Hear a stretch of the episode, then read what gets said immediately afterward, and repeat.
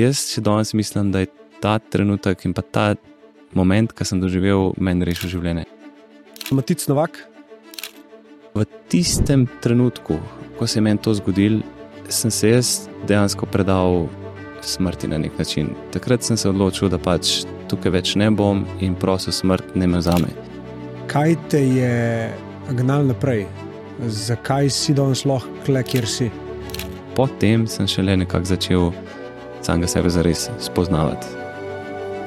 Kot majhen sem bil izpostavljen s tem, da imam to, da sem impulziven, da sem hiperaktiven, da me je posod dost. Jaz rušim meje starega šolskega sistema. Tukaj sem končno začutil vrednost svojega dela. In potem si bil ti tisti, ki je potreboval pomoč, a me lahko peleš v ta dan. Oh.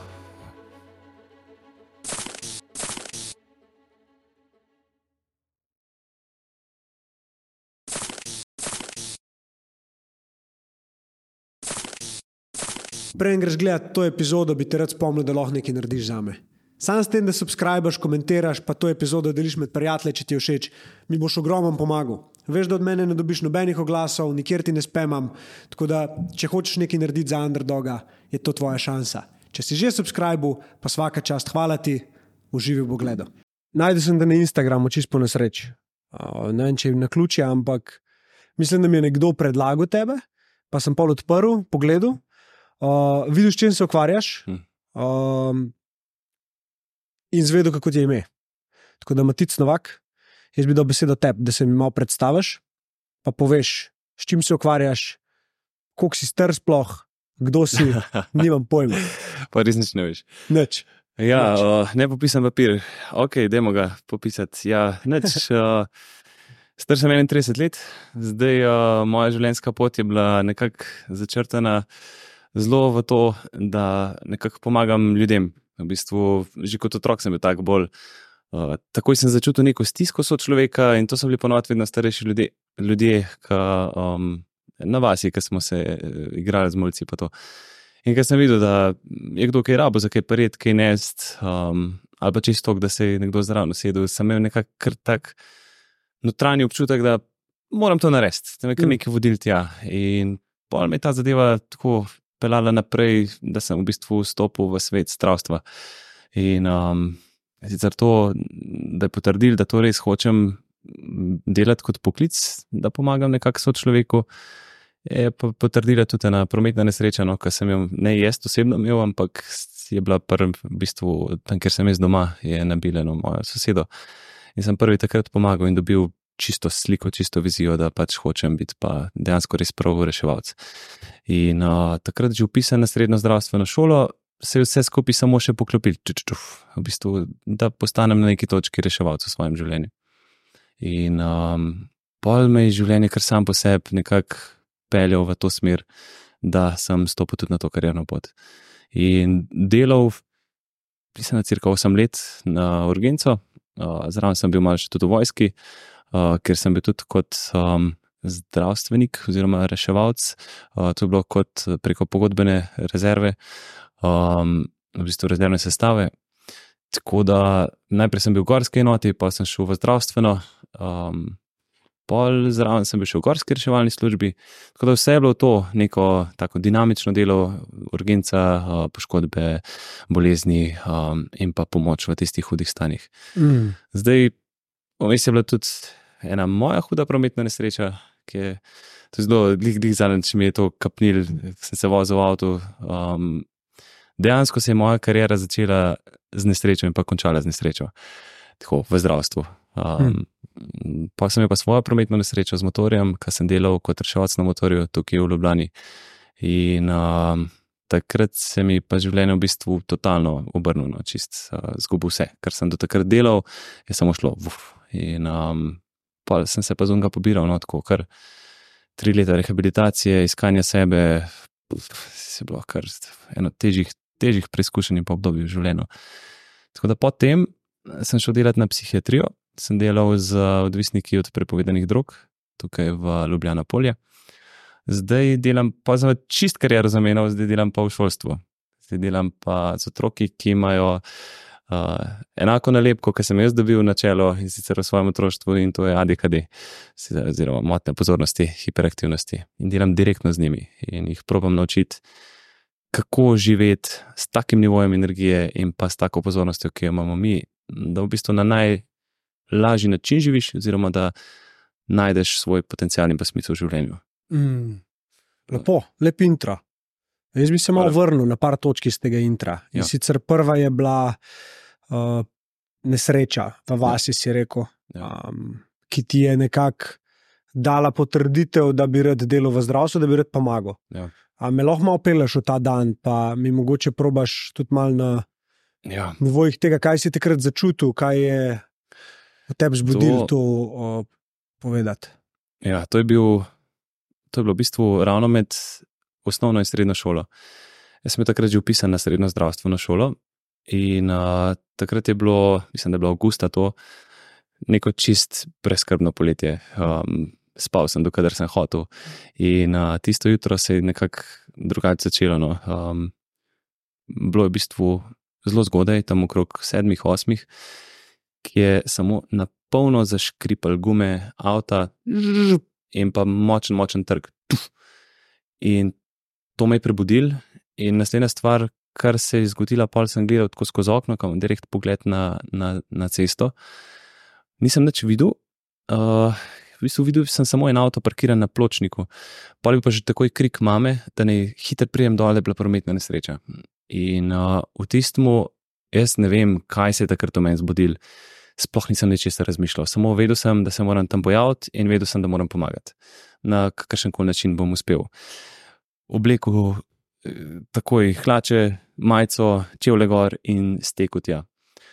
Prizor, ki sem ga videl, mislim, da imam še danes slike prav pred očmi. To je bila moja soseda, dejansko starejša gospa, ona se je s kolesom peljala in uh, to je najbolj bizarno. To je bila hitra cesta, na kateri ni bilo nobene nesreče. In so naredili pločnik, in bilo po dveh mesecih, ko je bil ta pločnik tam prometna nesreča. In um, pridem tja, zagledam gospod, ki leži na tleh, iz glave je tekla že kar konkretno kri, zraven je bil kolor razsud, en gospod, ki se je tako držal za glavo in neki govoril v svojem svetu. Bil. Stečem do gospe in sem videl, totalno se so to glavo, čist tako preoblubanje, v bistvu odprta. Oh, fuck. Ja, in pol je tisti, veš, takrat mi sploh ni bilo grozen. Nač. Takrat sem samo videl eno stvar, to je ta moški, moški del nas, veš, se pravi, čisto simpel razmišljanje, če nekaj teče ven, moraš zaflikati, pa pred, da ne teče. Ne. In sem stekel nazaj, odprl avto, dozaj do hiše, odprl avto, vzel prvo pomoč in šel pomagati. In takrat sem v bistvu najdel noter gaze, jih skupaj dal, to je bila tako velika gaza in jo samo tisto glavo skaparil, da je to nehal krvaveti. In zraven v bistvu čakal, da pride pač pomoč sem dejansko možgane takrat videl, to je bilo čisto odprto. Danes še v rokah tisti, ki so kosti prav naredili, tako da jih skupaj daš. Ne. In uh, takrat sta prišle zdravnica in sestra iz bližnjega zdravstvenega doma, jaz sem čisto zran od krvi, pomeni arterija šprica, da veš to šprica tako po pulzu. In uh, sta samo gledali me, pač, kaj tam počnem, in dejansko mi dovolili, da držim tisto glavo. Pa sta začeli malo povijati, In v daljavi slišim, jaz sem že ravno doma in tam, če poznaš senice, to je dolina mm -hmm. dol. Ma, ko slišiš rešilce, da štarta, to traja celo večnost, ko poslušaš to sireno, da prihaja. No, in ko so prišli, ko sem gledal dejansko vso to, kako bi rekel, um, njihovo formo, ki so prišli v tistih oblikah, s tistimi aparati, kufri, nosili tja, začeli delati, intubirati jaz sem lahko dejansko takrat sem fulčuden gledal, kaj počnem sploh tam, kot sem bil mulj 14 let star. In sem prosil, če lahko pomagam. In so mi dali flaše, da držim pač flaše v rokah in čakam tam z njimi, oziroma gledam, kaj počnejo. No, na koncu sem odnesel to, te flaše in gos, pomoč gospe tudi do helikopterja, ki je zraven pristal na travniku.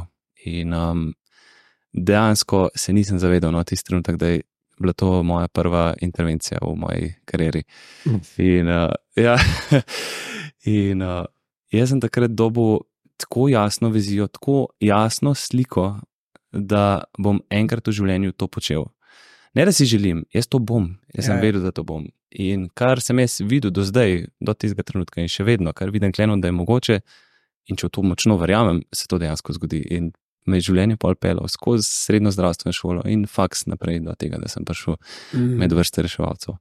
A je gospa preživela? Ne, gospa Ne. je nažalost umrla ja, pol, uh, na poti v Ljubljano. Mm. Bilo kar konkretno, no, mislim, da je še malo prehitra hitrost je bila, pa ona je cirka 10-15 metrov letela po zraku. O, šit. Ja.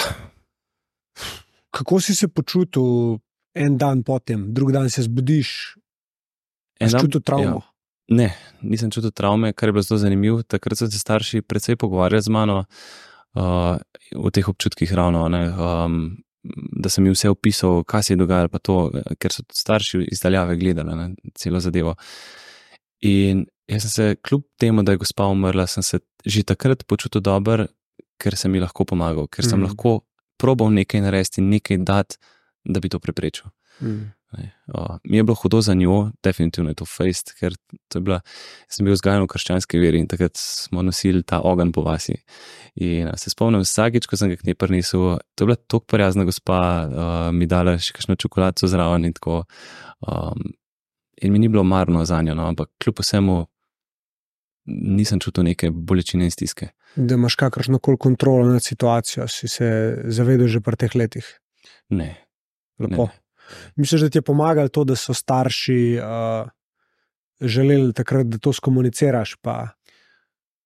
Ja, mislim, eh, na nek način jih je zanimalo, kaj je bilo, je bil Ja, ta ja. interes, pol pa ta pogovor, mogoče je bil malo razbremenilen na način, ker mi je bilo hu- hudo gospe. Ja, ja, ja.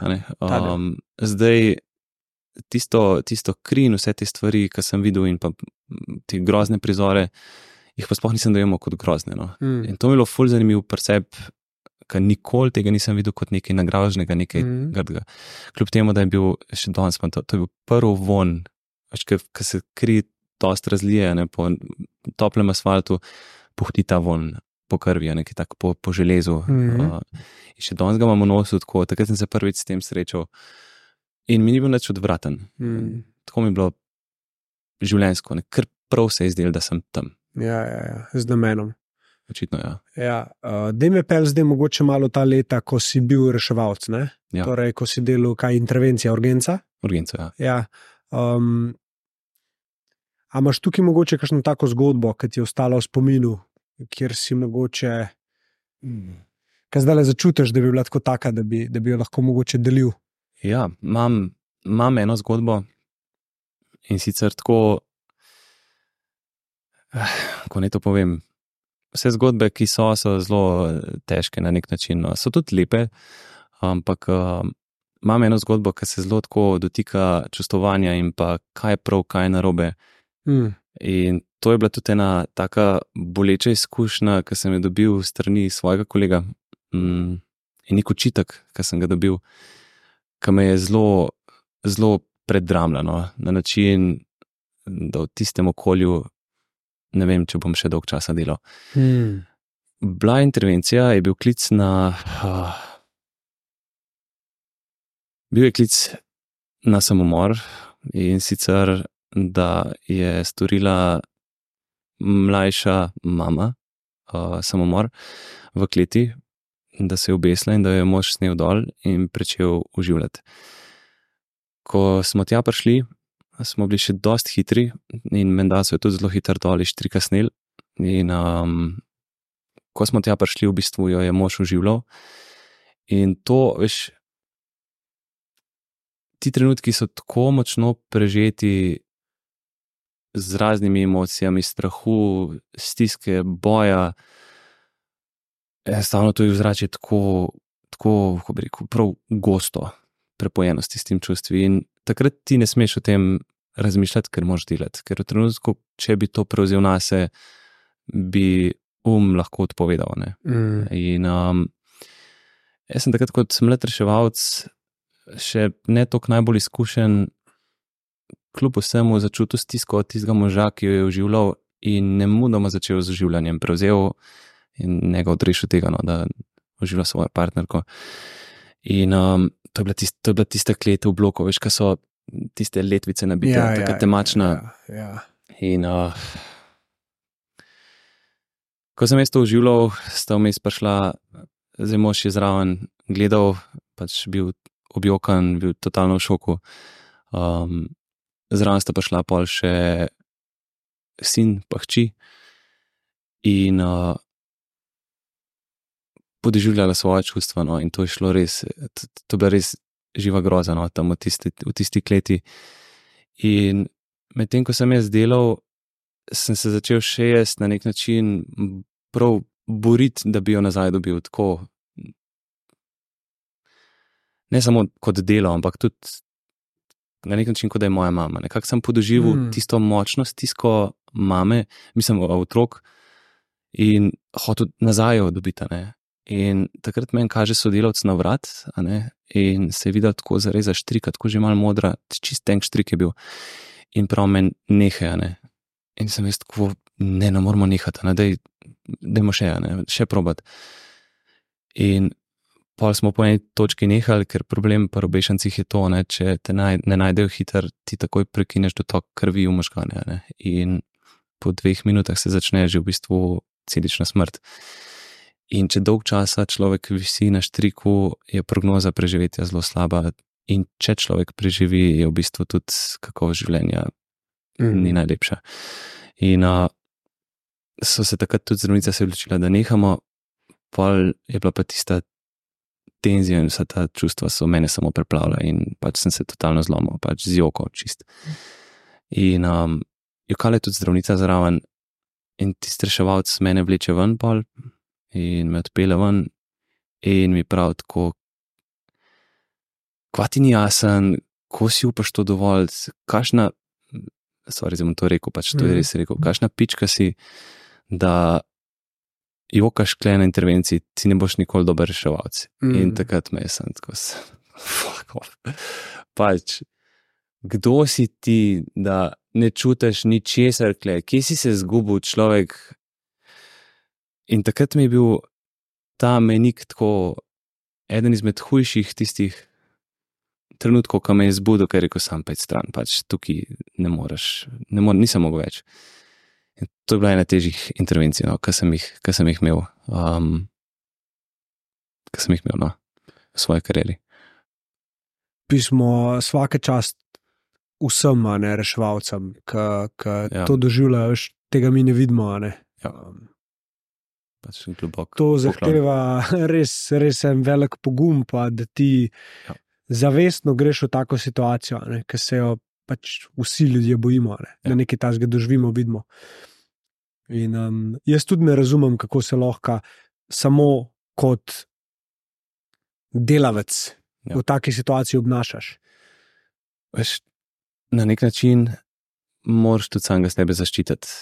In jaz sem zbral pot, jaz, veš, jaz sem proval se čustveno odmakniti, čustveno izolirati. Pravijo empatija, ja, da ti začutiš, ampak ne podoživiš. Ampak na nek način občutim v sebi, če ne začutim tega, blokiram. In ko blokiram, ne čutim ničesar. In hm. tega sem se pol ustral, ker sem postal čustveno utopil še v drugih situacijah.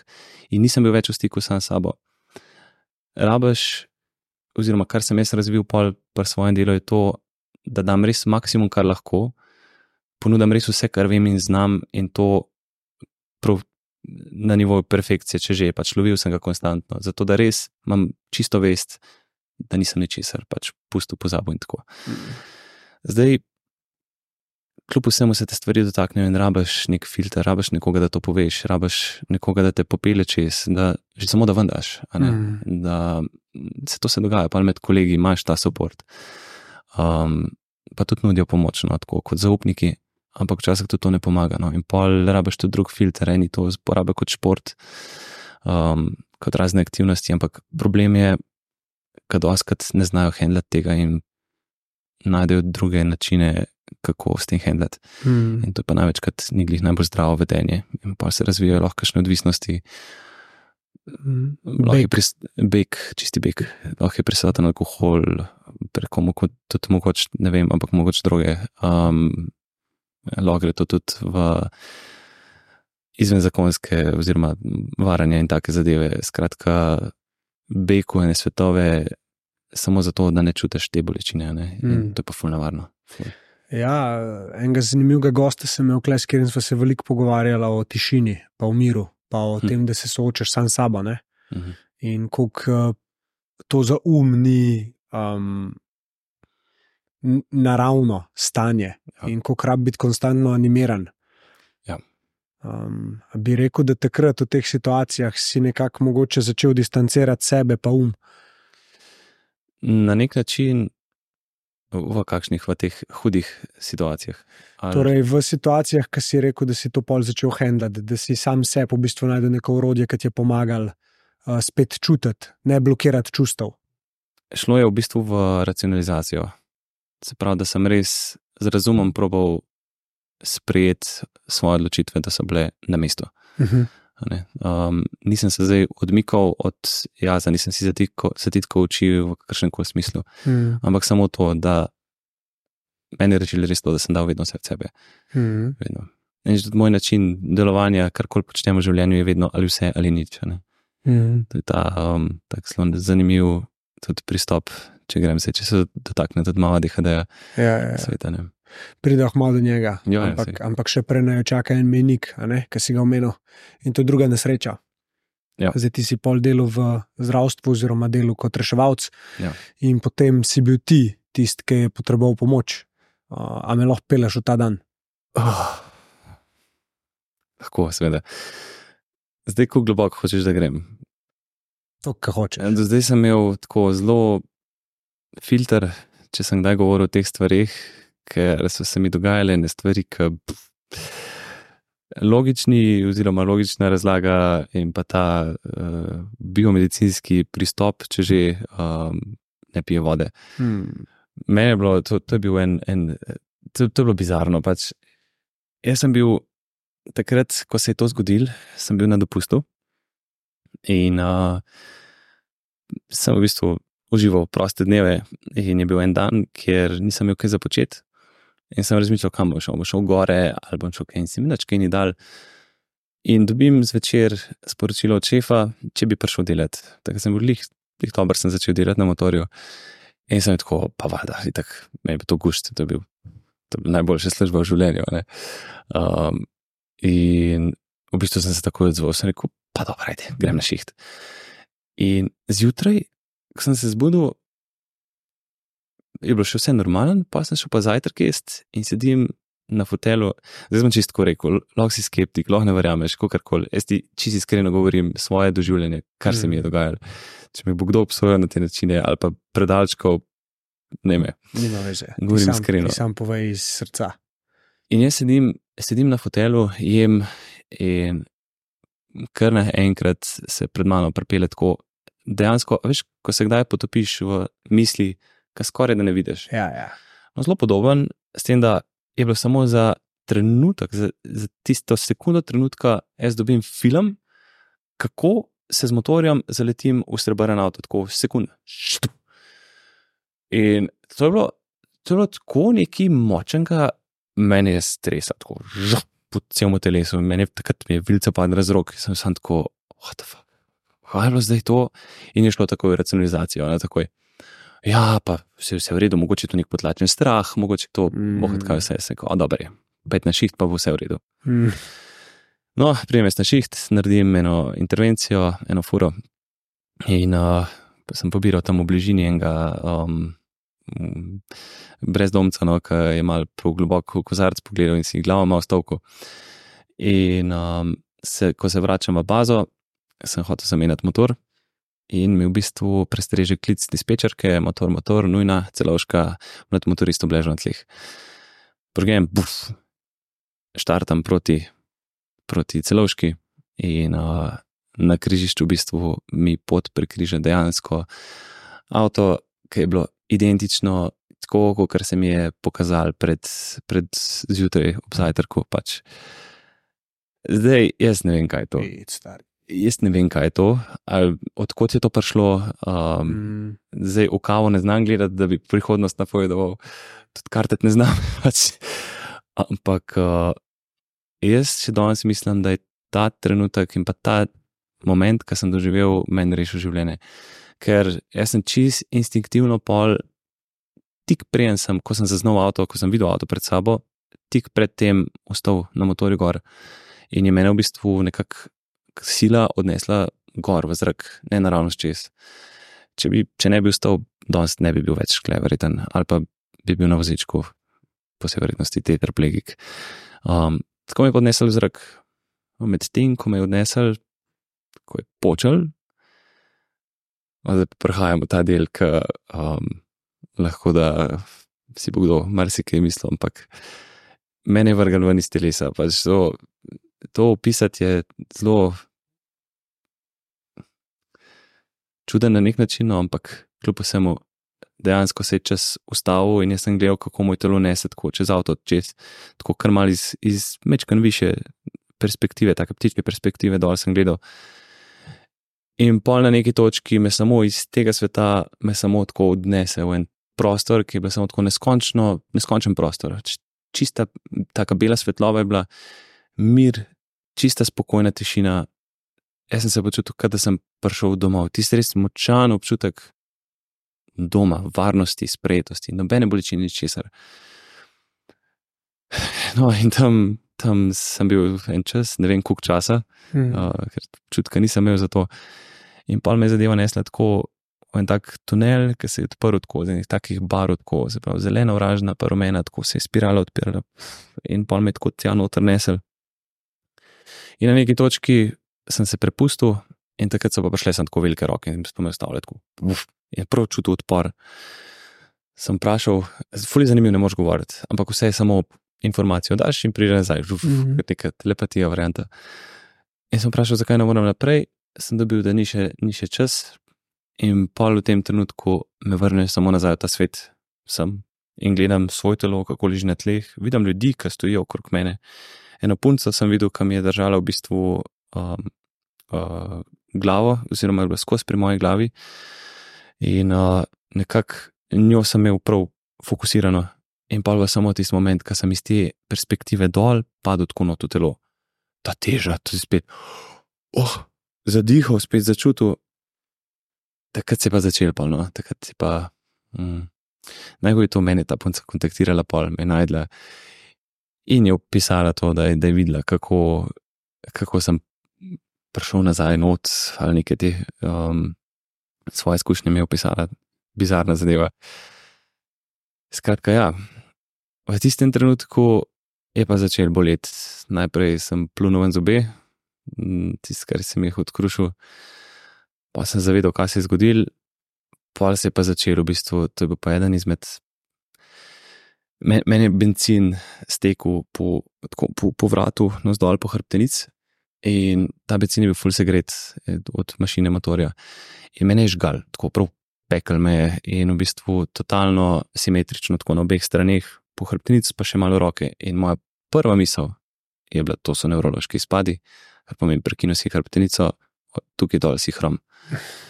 In v tistem trenutku, ko se je meni to zgodilo, sem se jaz dejansko predal smrti na nek način. Takrat sem se odločil, da pač tukaj več ne bom in prosil smrt ne me zame. In um, od tistega trenutka naprej nekako drugače vidim ta svet, drugače dojemam ta svet. In um, ja od tistega trenutka naprej mislim, da mora vsak enkrat umreti, preden zares umre. Ker je bil tak en trenutek prebojenja no, na nek način. Pa se je pa začel celjenje telesa, glave, v smislu misli, dušeno, če že. To je bila kar težka pot, no. težka, mm. težka pot. Um, izgube, jaz sem izgubil vse. Sem, moš vedeti, kot otrok zadaj HDM in težavo s pozornostjo in pa hiperaktivnostjo jaz sem res težko prišel do te eh, izobrazbe in uh, da sem se dokazoval vsem, da zmorem, da znam, da mi bo uspel. In v tistem trenutku vse, kar sem gradil, vse, kar sem garal in živel in doživel svoje sanje, jih okusil, jih imel, jaz sem živel svoje poslanstvo, svoj namen na tem svetu. V tistem trenutku trka oduzeti vse, vse. In pa si podar čist, uf, jaz sem zgubil samega sebe, identiteto, meni je bil moj ime čuden. Vse mi je bilo čudno. Jaz sem sebe povezal z vsemi temi poklici, aktivnostmi. Sem bil športnik prej, plezal po gorah, mislim, ni da ni, kaj se sem počel. Konc. Hm. In ki si enkrat na tej točki bil, kaj te je gnal naprej? Zakaj si danes lahko kle, kjer si? Ja, zdaj nikakor se nisem mogel sprijazniti s tem, da je dejansko to konc, da je to konc moje kariere. Vsi so mi govorili, da to je bilo, veš, kaj zdaj le še ne, sem lomil desno roko, tle koželjnico noter, drobil totalno in uh, prognoza je bila roka tako trda, se pravi, ne tega giba. In pa kar je najhujš, ne tega giba. Mm. Če si vozil kdaj motor, a ne, to je pomembno. ne. In pol smo že razmišljali, kako bomo gas prestavili na levo ročko. Skratka, jaz sem hotel nazaj svoj star življenje. Ne? Ja, ja, ja. In uh, sproti ugotavljal, da, da ta ideja vedno bolj umira. In uh, prvo sem izgubil službo v vojski, kam imaš pogodbo, lahko, mislim, pogodbi piše, da si lahko samo eno leto na bolniški, pa le prekinejo. Tako To je bil prvi šus, pol naslednja je bila naslednja metano, da ne bom več mogel delati kot reševalc, ker desna roka pač itak zdravniške me ne bi spustili. To je bil drug boleč, no pa je je šlo še gorska reševalna, skratka, zgubil vse.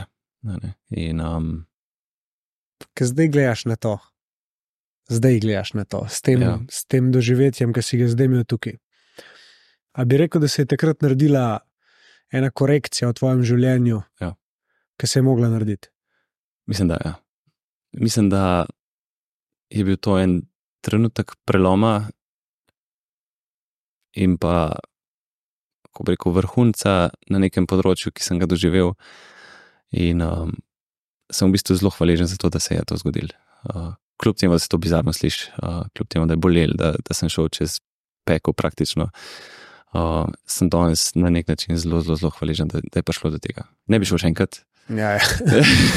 ne. ja verjamem. Ampak, um, ja, takrat se mi zdi, da sem šele potem, sem šele nekako začel samega sebe zares spoznavati. Nisem se še spoznal, več ja. se nikoli ne bom, ker se skozi kaj spremenja, ampak takrat sem šele začutil samega sebe. No, tako. Takrat, ko si bil v tem prostoru neskončnem, z belo svetlobo, ne, mislim, ajde rečemo temu onostranstvo, kako koli.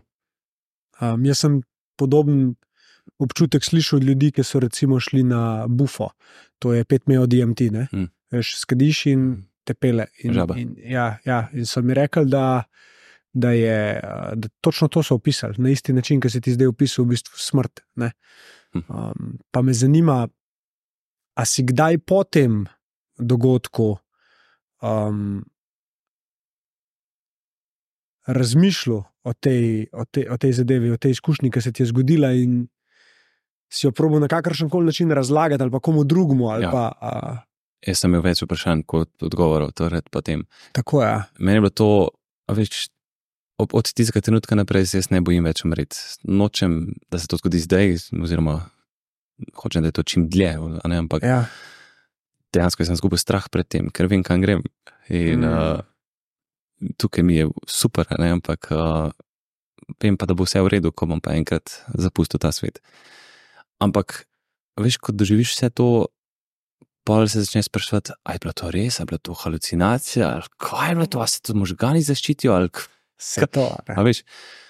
No, in s tem sem se matral kar, recimo, en let, pa sem pa na Soči, ki sem imel rehabilitacijo, spoznal kar precej zanimivih ljudi z zelo podobnimi izkušnjami. In uh, sem iskreno kar pomiril, no, ko mi je nekdo povedal svojo zgodbo, kaj je med operacijo, kaj je imel zastoj srca, kaj je gledal, kaj govorijo zdravniki, kaj mi je povedal vse, kaj so se pogovarjali in ker nisem mogel verjeti, da je to sploh možno. Ne.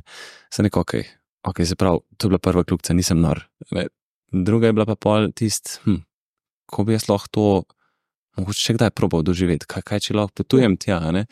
A, ja, itak, ne. Veš, to so take mistična področja že na nek način, ne. Ja, ja. In valjda sem, sem najdel pol tudi te stvari, ne. Ja. Moram reči, da sem, da sem mal tako uh, previden, po drugi strani pa seveda tudi radovednost, ne. Ja, ja, ja. Ampak mislim, da se ne bom odločil za to, no, Ja. da, bi, um, da bi stopil v to. Ja, Je pa mikavno na nek način, ne. Sigurno, ne, sigurno. Jaz mislim, da um pol pač rab uh, vedeti.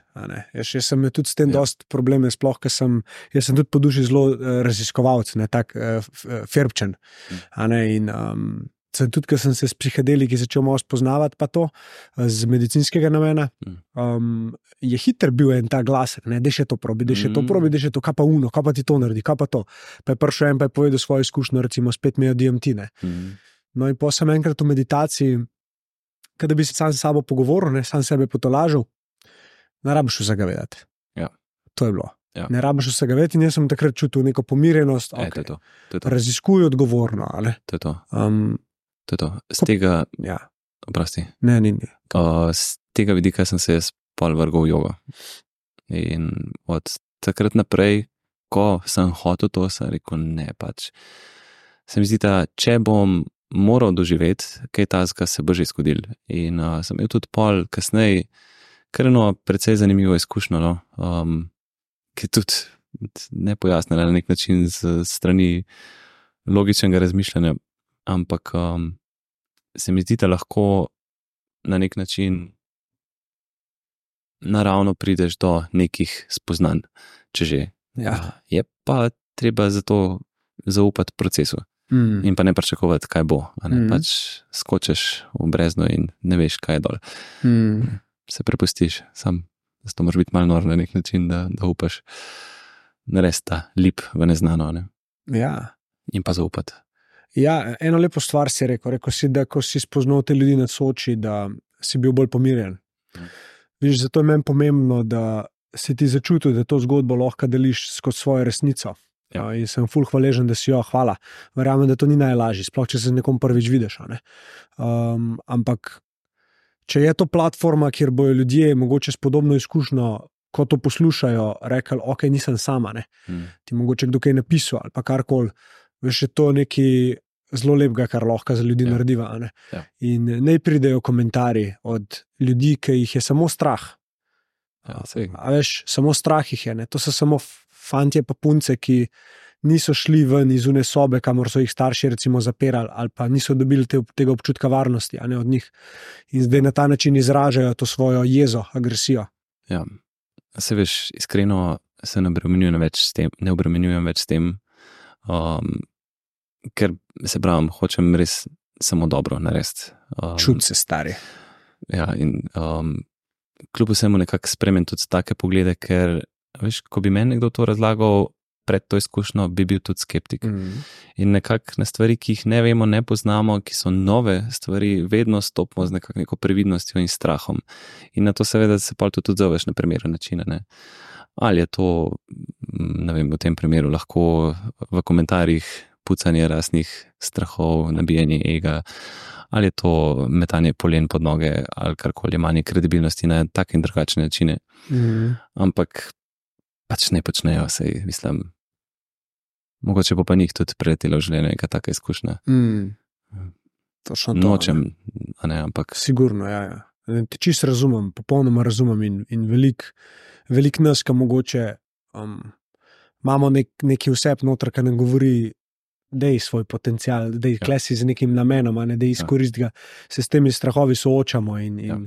uh, že sam, recimo, podcast, ne nekdo mi meni reče, ja, pa to zgleda easy, kaj ti delaš. Ne? Ja, probi. Veš, Ja, probi. Da. ja, točno to. Um, zato tudi ostale ljudi, danes sem, evo, zanimiva izkušnja. Sem šel na sprehod tam malo in sem videl tri delavce, ki so zabijali en kov v tla. Ne? Mhm. In prvi glasek je bil nek tak programček iz preteklosti, no, ima so starši tako govorili, le jih, le jih trije morajo en kov zabijati. Ne? A Ja, Veš, prvi je bil ta, ne? ali pa le jih te delavce, to sedem jih stoji, je dela. a ne. ja.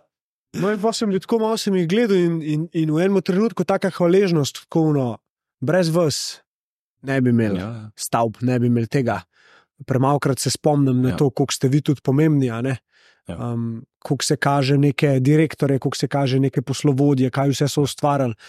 Medtem pa eni preprosti ljudje, ki tam le zabijajo, ko ta planet v bistvu tudi na neko vrsto manifestirajo, tako da tudi njim, a ne, hvala pa poklona. Ne. dve, dve stvari sta mi prišle na misel najprej. E, sicer se mogoče malenkost vrnem nazaj na stvari, ki jih počneš z dušo in srcem, za vse druge ljudi zgleda, da so izi. Zaradi tega, ker si ti full in, full in, Mm. čist cel si noter. Ne. Mm. In daješ v svoj maksimum. In medtem, ko delaš, to žariš na nek način. Ne. In to se vidi pri tistih ljudeh, ki to delajo s srcem in dušo. Um, zdaj, če pa ne, je pa prisila, pa ni avtentično. Um, in zdaj pa tako, ne, to lahko počneš v življenju, karkoli češ, se noben poklic ni manj vreden. Jaz sem to videl recimo v bolnici, je bilo zelo zanimivo. Mm, So mi enkrat mi je nekdo očital, da že kot otrok, da imam težave z avtoriteto. Ne. In uh, danes lahko tisti osebi rečem, da nimam težav z avtoriteto, če je ta grajena na nekih pravih temeljih Vrednota. in vrednotah. Če pa imaš avtoriteto zgrajeno na kretenizmu, ne, pol imaš pa problem s tem, da ne verjamem vate. Ne. Ja, ja.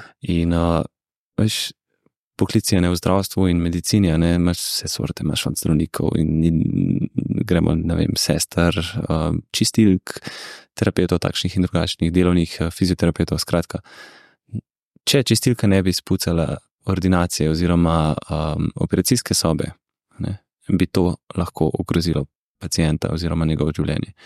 Tle ni samo kirurg tisti, ki upravi nek, neko svoje delo v korist pacijenta, tle je to čistilka, ki skrbi Mm. za vse v zadju. In je treba vse na enak način spoštovati, ne glede na to, kakšno delo nekdo upravlja. ne. In če vidiš to človeka na tak način, ni nič narobe, tudi če se malo pošališ, kdaj, če kdo recimo gleda med tem, ko en kol zabija. Um, ampak ja, važni je samo odnos, kakšen ga imaš ti pa do tega človeka. Točno to. To je tisto. To je ena taka lepa prispodoba, je pač imej odnos z direktorjem, takega imaš s hišnikom. Ne? No, To je neka je to, taka prispodoba. to. Ampak jaz mislim, da zato je potrebno, da ti uh, na sebi ta prvo Ja. razčistiš, Ja, pa, pa se zavedaš teh vrednot. ne. Ja, ja. Pa glede avtoritete, ne? jaz uh, tudi v ta koš padam, ker sem imel probleme s tem. Mm, Od učiteljev do trenerjev, do takih. Ampak, ko pogledam nazaj, stari ne da vseh. Ne? Ja. Tiste, ki sem jaz začutil, pa ki so neke vrednote imeli od zadaj, ki sem jaz čutil, da mi hoče dejansko nekaj dobrega, tiste sem jaz upošteval. Za tiste sem jaz bil pripravljen to boja. ne. Ja. Ampak unike pa so hotel sam, a veš, zato ker sem jaz tako rekel. Ne? točno to. A veš, stari, tle boš pa ti mene to. zgubil, ker jaz pa ne morem, ne morem se pod to podpisati. In da so me recimo hotel nekako kalupati ali pa nekam dati, da bom pa jaz neko vlogo igral, ki meni ne paše, nisem mogel. Ja. In tle je pa odpor do tega Ja. človeka. Poznam to. Ja. In, in, in tle, če čistko zdaj malo racionaliziramo te dve različne verzije avtoritetne, ki jih danes mogoče tudi spremljamo, pa se lahko vsi povežejo s tem. En tip avtoritete ima rajši ljudi kot oblast oziroma moč. Ne? Ja. Drug tip avtoritete ima pa samo željo po kontroli Mm, in pomoči. ne. In ta tip, ki ima željo po kontroli in pomoči, s tvojimi vrednotami, z mojimi vrednotami, mrskoga drugega ne se upada, zato ga ne slišimo. ja, ja. Medtem ko nekdo, ki dela iz ljubezni, ki želi dobro, ki da je ljudje na prvo mesto, ki v bistvu on služi ljudem, ne, Ja. ta ga bomo mi podpirali. In ga niti ne bomo gledali kot avtoriteto, Ne. ampak samo kot sočloveka, ker tako tudi on nazvita. Ne. In se to, veš, jaz mislim, da imamo to zakorenjen vse noter že od otroka naprej. Hmm. In z vsemi profili, ki prihajajo z nekako više pozicije, če že nad nas, oziroma ali nas na nek način vodijo, usmerjajo, um, karkoli pač tukaj mislim, mogoče malo bolj na učitelje, naprimer, kot otrok, se z njim soočaš. ne. Še sem bil isto, ne? sem imel eno učiteljico, ki je bila strah in trepet šole.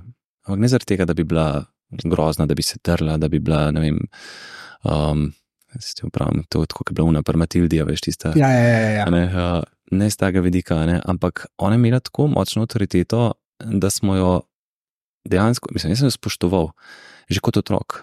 Ne, in njo sem imel najrajš, ker mi je dala jasne meje, red, disciplino in pa tudi meni vrnila neko spoštovanje, kljub temu, da sem bil otrok. Hmm. In um, je, da, je znala z mano zelo, zelo dobro delati, in z mano ni imela nikoli problemov.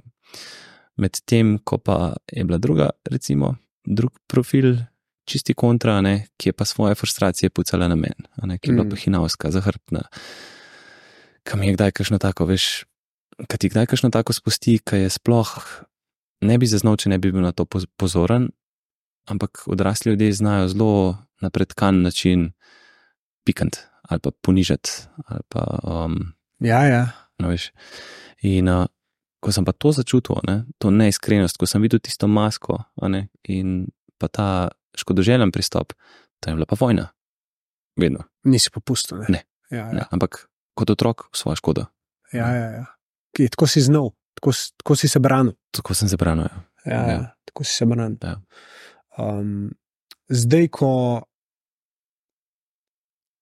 gremo malo bolj v ta del, s katerim se zdaj aktualno ukvarjaš. Mm.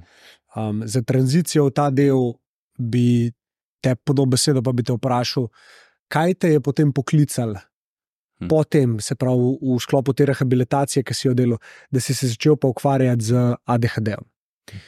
Ja, jaz sem imel že tako, veš, ko bi rekel, kot majhen sem bil izpostavljen s tem, da imam to, da sem impulziven, da sem hiperaktiven, da me je posod dost. Uh, in pa predvsem opažal sem eno stvar, ki me je ful motila pri meni, da jaz ne morem te svoje pozornosti ujeti in jo obdržati na eni stvari. Mm -hmm. Na tisti stvari, ki mi takrat ni pogodo, ki me ne zanima. In um, če me pa ena stvar zanimala, jaz sem bil 100% noter, ma, kje 110 posta pozornost ne, in to ure. In uh, šola ni bila glih ravno po mojem godu, no, in tle sem imel pa največ tudi težav na račun tega. In um, veš, ko sem jaz hodil v šolo, to ni bilo še tako poznan na nek način, sem bil, dva sva bila takrat z odločbo. En od tega je imel motnjo pozornosti, jaz sem imel pa ADHD, ne, kot je zraven še hiperaktivnost. In um, takrat sva bila dva na šoli prepoznana, verjetno jih je bilo več, ampak ni bilo še toliko močnih teh presajalnih testov ali kako koli. Um, in pa ni bilo še toliko znanja okrog tega. No. In um, danes, če pogledaš, danes v enem razredu na osnovni šoli, na točno tej, ki res delam, je šest otrok, ki ima, ki ima potrjeno težavo s pozornostjo. In um, to je v blaznem porastu. Če greš samo gledati predpis odločbe, ful. In pa so nas v svojem življenju hodili do mene ljudje z raznimi vprašanji. ne. Ja, kako pa si ti v šoli, ja, kako pa si ti vem, se učil, kako pa si ti se znal umiriti, pa take stvari. In se je klas zbudil pa spet tist, da to, kar vem in znam, da lahko na nek način predam. In sem imel priložnost, da me je nekdo povabil, kaj dela z otroki na tabor.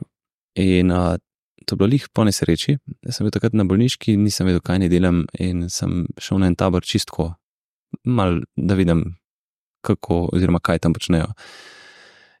In ko sem prišel tja, ko sem začutil otroke, ko sem začel dihati z njimi in ko so otroci začutili ta moj vibe, ker imam jaz eno, pa ne bom rekel težavo, ampak jaz lahko padem ful v tega otroka. ne. In moj ta otrok v meni je star tam cirka od 9 do 13-14 let. In, in je, ko se zagledamo med sabo, ko jaz spustim tega otroka ven, to smo takoj na istem. Takoj. In takoj lumparije, takoj raziskovanje, takoj neki delaš skupaj. In ko sem vstopil v to, ta svet noter, jaz sem videl, pač to je to. Da jaz moram to početi, jaz moram to dati otrokom. Pa je pa samo šlo v, v, naprej. A ne. In je prišla v bistvu ideja, da, da naredim neko predavanje o ADHD-ju čistko iz mojega izkušnja, iz mojih pogledov, pa še podkrepljeno z nekimi dokazi v zarad- v zadju, z raziskavami, čisto, da podam malo svet, kaj je to. Ne? In um, no, še pred tem, še pred tem, kako se je prav začel, je bilo pa to, no, tisti je bilo pol naslednji korak. Predtem sem pa upisal faks, sem upisal uh, magisterij, vmes sem bil doma um, in v bistvu doštudiral tudi, zdaj imam še magistersko za narediti. Skratka, in je bil tam en predmet, kjer si imel možnost narediti ali videoposnetek edukacijski ali pa seminarsko. Jaz seminarskih ne maram, da dobijam. Se rekel, tu gremo videoposnete, ne, dej ven. In sem posnel anksioznosti, ker sem imel pa izkušnjo paničnih napadov, pa anksioznosti. In sem dal celega sebe ven. In to, to je bil, to je bil tak bum, to je letel, to je Mm. šlo. ne. In tudi medijski odziv je bil pol na to. Um, vse se je poklopilo pol še z nesrečo potem. In um, kasneje sem pa rekel, pismo, jaz moram še v ADHD-ju dati ven. Mm. In sem posnel video, tisti bil pa sploh, ne vem, zdaj koliko ima ogledov, ker se s tem nisem tok, uh, mislim, da je šlo preko 100 tisoč. Uh, YouTube uh, mislim, da sem dal na Facebook, na Aha. YouTubu, ne vem koliko ima. Je pa Facebooku. gor. Ja, A boš eh, lahko link zrihtel, da ga prepopamo od spodaj ja, v, seveda. v seveda, koment. seveda. Hudo. Um, Je tudi na YouTubu. Ja. Top. In ko sem dal pa to ven, no takrat je pa začel. Poplave staršev, kako s takim otrokom, kaj narediti, kaj vzdraviti, kaj je to guntric, stojne eno vprašanje, stiske, ni da ni. Pa sem pa rekel, ne, klej moram dati, kar vem, znam, klej moram pomagati na nek način. In sem naredil pa prvo predavanje, to je bilo, mislim, nad mojimi pričakovanji. Jaz sem mislil, da bo to 15-20 ljudi, a ne, sem imel pa ne vem, koliko 75-80 volka v dvorani. In se rekel, pač tle so potrebe res močne. In pa sem pa začel v to smer razvijati svojo Mm. kariero. Uh, komu si pa predaval to? Kdo je bil? Odprti javnosti. Predvsem, Čisto, predvsem pa starši, hoče. kdo hoče. Prišli so starši, učitelji, tudi um, vsi drugi, ki se ukvarjajo recimo z otroki v šolskem okolju, svetovalne službe, uh, specialni pedagogi. Tako da danes pa hodim po cel Sloveniji in pač predavam učiteljem, pol, Mm. pa nisem si predstavljal, da bo kaj tasga. ne. Ja, verjamem. Ja. Verjamem. Prej gre na to, bi te nekaj, nekaj še vprašal, Ja. nazaj bi se malo vrnil. Uh, omenil si napade, uh, panike, anksioznosti, da, da si imel nekaj, kar uh, je bilo tudi tvoja izkušnja in si jo hotel Mhm. deliti.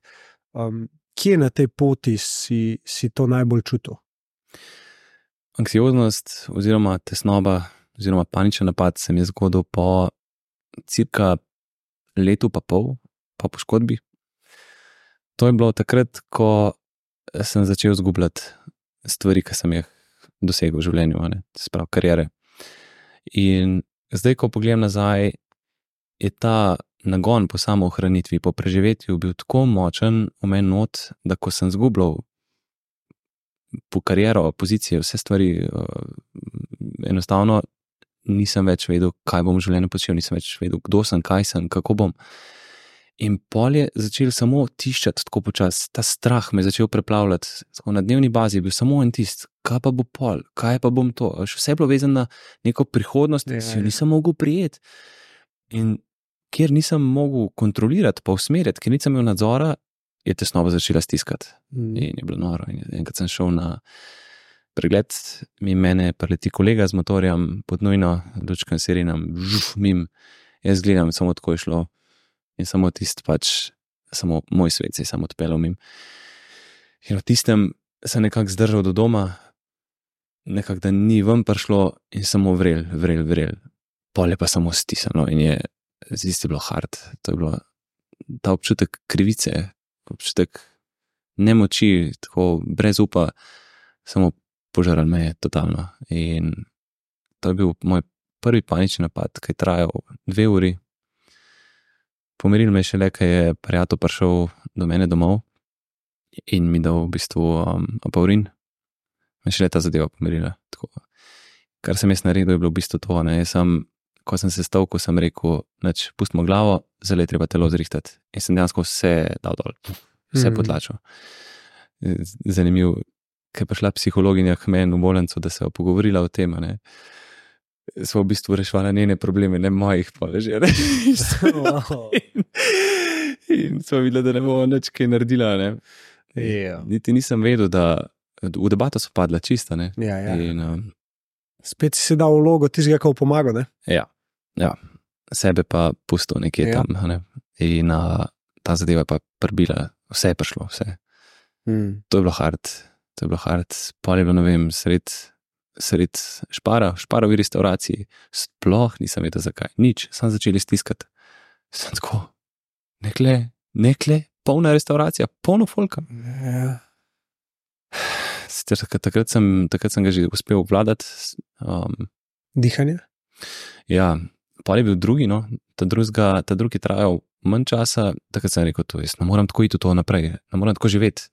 In kaj čem narediti, kaj čem probati, kaj, kaj lahko naredim. Sem raziskoval malo splet in ugotovil eno stvar, jaz misli ne morem odmisliti. Veš, Vse, kar počnem, če rečem ne, je samo še ja in samo še trikrat huje, še trikrat bolj. a ne, To je en fraktal, ki ni konca. ne. Ja, ja. In pa sem videl, da edina stvar, ki te umiri, je uporaba telesa. Edina stvar. Spomnil sem se, ker sem še biatlon, biatlon treniral, ko sem se umiril, ne, se, z dihanjem. Pismo, z dihanjem se res, ne, kaj lahko narediš. Pa je to tisto, kar si pretekel tja. Sem naredil, jaz sem si predstavljal trikotnika, ne, vdih, izdih, prazna pljuča. In ko so bile prazna pljuča, je bil, čš, je bil strel. In ko je naslednjič me vsekal, sem probo to delati. In jaz sem skrajšal panični napad za. Ja. Ful, Ja. Trenutek te da. čist, čist. Ne. In pol, ko sem pa dobil nazaj kontrolo, sem dobil pa moč, Mhm. nadzor nad sabo, vidim, da zmoremo. Ne. Pa sem gotovo pa še eno stvar, ne. videl, da greš pa lahko tudi v hladno vodo. Ne. Tisti je pa čista simulacija paničnega napada. Čist. Stisne, glava, govori, ven, ven, Ja, konc je, nimaš kaj početi, umrl boš. Ja, ja. in pa pospešeno dihanje, utrip, in pa tam noter je pa samo, ok, vse je v redu, jaz imam kontrolo, jaz sem šel sem noter, jaz imam nadzor in umirjaš. Mhm. To je pa, jaz pravim, ultimativni trening. Mhm. Ultimativni. Ful lepo, da si to omenil. Ja. Obe dve te zadeve, dihanje in ledena voda, tudi če ni paničnih napadov, sta tako zdravilo za telo, Ja. ki ga, Ja. ki je dano za ston nam, Ja. ne, Ja. ampak ne, ne.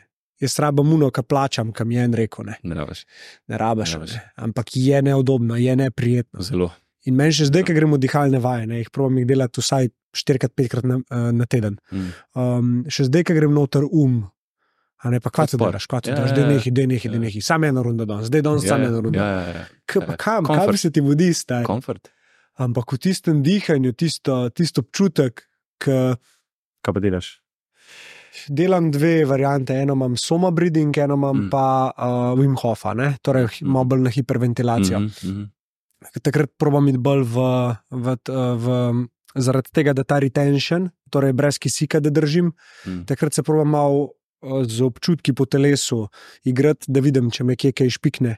Mm, Pa grem mm, pol mal tja, čistko, mm, zavestno. mm, mm.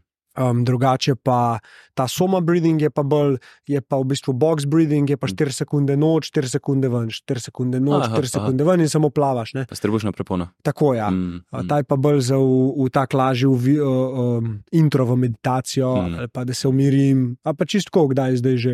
Se usedem in pač diham, kot mi paše. Mm, Ne, lih to bolj, ker ne dajem občutek na, na ta mir, ki od zadaj nastaja počasno, mm. ker se, mhm, ker se telo malo bolj umirja. mhm. Ampak ja, um, zdaj, če nekdo to posluša, pa recimo uh, se z nekimi paničnimi napadi, ki so mal manjši, ne toliko. Pri tebi je bilo res orang, ne? Ti bilo, ja. si ga mogel res spucati. Ampak to se dogaja tudi na manjšem skalu, ne na manjši Seveda. skali. Ja, če, Seveda. ja, Vse prvo je, prvo je tist, prvo se dogaja na miselnem nivoju. Ne? ja, A veš, ti samo misli govorijo, v bistvu ti pričarajo neko izkušnjo prihodnosti, kjer ni, ne uspeš, kjer ni uspeha. Ne? In greš v bistvu v na nek način samo destrukcijo mm Mhm. -hmm. v prihodnosti. In če se ta zadeva pojavlja vse pogosteje, zadeva seveda, kar se ti v glavi dogaja, telo podoživlja kot realnost. ne. In ti sebe lahko nahajpaš, lahko se pa totalno zabiješ, ne, lahko se pa tudi totalno, ko bi rekel, sprovociraš do te mere, da tvoje telo reagira, kot da je v čistem napadu. mm. Ne, In to je ravno ta princip, kar se dogaja pri anksioznosti oziroma pri paničnih. ne. Ti v bistvu treniraš svoje misli na to, oziroma na to, da greš, na to, da si ogrožen Mm. ne, in da, da ne boš uspel, da imaš Mm. neko katastrofo pred sabo. In na to odziva tvoj te, se odziva tvoje telo, čist tipično. Ne, se pravi, kaj se zgodi, ko si ogrožen? Ja, pobegan. Mm. Če ne moreš pobegati, kam moš narediti, ne aktivira se ti pljuča, se pravi, dihati, dihati moraš, zato da Pa zakrčite. zakrčite, ne mišice, v skeletne mišice gre kri in um, ja, pol so, pol so pa prvi znaki, a ne se pravi. Glava, pol mišice, ne se pravi, se postavljaš v to pozicijo, ne zapiraš se vase, to, to obrambeno in borbeno pozicijo. Ne? Pol Mhm. naslednja stvar je pa že potreba po kisiku, te pa že začne stiskati. a ne. In tukaj, ko smo enkrat tako daleč, klej greš pa že preko k tem paničnem napadu, ne, preko Mhm. te meje. In ko pa klej pride do te točke, da ti glava začne govoriti, ok, tole pa ni v redu, ok, kva če bom umrl, ok, zdaj pa konc, Ja, ja, ja. zgubljam kontrolo, zgubljam nadzor, ne poznam se več ta zgane, ali pa panika. Mm. Pa enkrat tam odpadeš, pa samo naredi. Ker Jaz, jaz pravim tako, kot da bi te paril, vrgel pralni stroj, pa centrifugo pržgal, iz katere ne moreš ven. Je pa že predalč. Jaz seveda pa pa vseka, ne. Pol je pa dihanje, Ja, in pa jog, in pa beg, beg, beg. ja, ja, ja. Predvsem beg iz telesa, s katerega ne moreš. grozen, mislim, da se rešiti prej. Zato je bistvo, da začneš opazovati svoje misli, Ja. opazovati telo, zato da si čuječ, zato jaz pravim, ne, folku, ne se bat meditirati, ne, vse se zapri oči, pa sam bod. Sploh ne rabiš nič delati, sam bod, sam Mhm. opazuj, sam glej, kaj se ti dogaja. Ne. Pa zavedi se, da misli nisi ti. Ne? Tako, tako. Ta je tudi taka ključna. tako. Ne Ker telo, ne um. misli, misli z več uh, mislimi ne boš rešil, kot sem prej rekel. Ne? Če bi jaz rekel, da temu ne bo pol, ja, pa ja, pa ne, pa ja, pa ne. Distancirati, biti v vlogi opazovalca Tako. in videti. Tako. Jaz en dober primer imam, ne mogoče ga boš kdaj lahko uporabil. Meni je pomagal. Predstavljati sem si začel eh, cesto, Mm. pa avte, ki se vozijo po cesti. ne. Mm, mm, In vsak avto je misel. mm, In pride avto, in jaz ga spremljam, spremljam, in pa ga pustim, da gre. Mm. Avto se odpele. Mm. Pride nov avto, ok, v redu, ampak jaz sem kle. Jaz nisem avto. Mm. In se je fajn to poigrati, mislim, da se to enkrat, dvakrat, trikrat, štirikrat na silo zavestiš, pa pa rata default. Ne? Pa, pa ti takoj se zbudiš in rečeš, ok, v redu, misli so, Ja. spet me pelejo nekam, zanimivo. Hm. Ja. Čudno, kako se še en občutek zbuja zdaj s to mislijo. Mogoče bi se mogel malo bolj začutiti, pa videti. Na začetku je to težko, dokler sebe ne ločeš od doma. Ne? ja, ja. In v bistvu, ko ti telo govori eno, in glava eno, si ti sam tako, ok, ne, sej misel, ja, ampak moj telo reagira, kaj ni zdaj naredim. a ne. Pa s časoma pa vidiš, da v bistvu je to stanje, ki se ločeš od doma in telesa, v bistvu šele kle najdeš nek mir. a Mm. Ne, sam, zato moš pa ustrajati ne, ja. in pa delati. Ja, sigurno. Brez sigurno. dela ni nič, ne. Ja. discipline Mm. nujna. Mm. Lepo. Um, ta del, ki si razlagal za mrzlo vodo, bi se še malo bolj potopil vanga. Ja, Ja. Um, Ker šel prvič v mrzlo vodo. ja. A se spomniš? Vse. Vse. Bilo je, bilo je v um, Završenci, to je tam, kjer sem jaz praktično doma, um, to je Završniško jezero, ki je komunicijsko in višji gor. Zdaj, nažalost, uh, so te poplave in kar je bilo vse uničilo, tisto dolino. Je bil en tak del, ki sem jaz vedno hodil sedeti tja in se pač, sem čas sam samo preživljal, ali sem kaj rezal, kakšne palce, del, pač tam je bil moj plec. In je rekel, lih tako zavila, da je bil en rokav, ki si lahko šel noter in si lahko namočil not. In sem se polet doskrat tam osvežil, pa šel naprej. No, pol, pol sem se pa vračal tja s tem namenom. In prvič, no, prvič, ki je bilo, poh, mislim, že samo to, kdo to dela, a si ti nor, kaj če bom zbolel, vse ti, a veš, vse te zadeve, mislim, pol, ker sem nogo nad pomoč. Ker je začel peč, ker je začel boleti in pol sem kolebal tista, če noter, a ne id noter, če res, a ne. Pa sem pa na neki točki sam, kot smo že malo načela, ne samo videl ta boj notranji, ne sem tako, a boš, a ne boš, a boš, a ne boš, kaj boš zdaj? Sem rekel, ne, pa se sem se odločil, da bom, pejt. Ne. In ta ustrajnost proti cilju, ta, da samega sebe ne razočaraš, da samega sebe ne izdaš na nek način. Če sem to rekel, bom to naredil. Ajde, gremo, vum. Sem rekel, grem. Mm. No, ko sem šel not, se je bila odločnost, pa vse skupaj, ne. do pasu, pol tam je una točka, pa se veš, kje ka, ka je. Ko moraš čez, no, pol naslednji nivo je tukaj, od pasu na vzgore. Ne. Ja, ja, ja. No, ko sem pa šel klenot, je pa stisnjeno, ne. in tako je bila asociacija na paniko. Tako je, a ne. tako je bilo čist. Občutek. Fak, fak, fak, fak, fak, um, je čist identično. Spet to, spet se mi bo to zgodilo, na koncu je spet šel v paniko. Pa sem rekel, pa ne, sem rekel, se, imam, se, imam, se grem lahko ven, kadar čem. Vtis me je pa samo, samo splahnil. Vstal sem not cirka 10 sekund, 15-10 sekund, pa sem šel ven, ampak pol po tistem, pol ta občutek po tistem, kako sem se potem počutil, to je bilo, mislim, buden, živ, volja, motivacija, kar od nek, kaj, na poplava teh prijetnih občutkov. Sam rekel, to je to, je to, to je zdravilo. Mhm. Ja.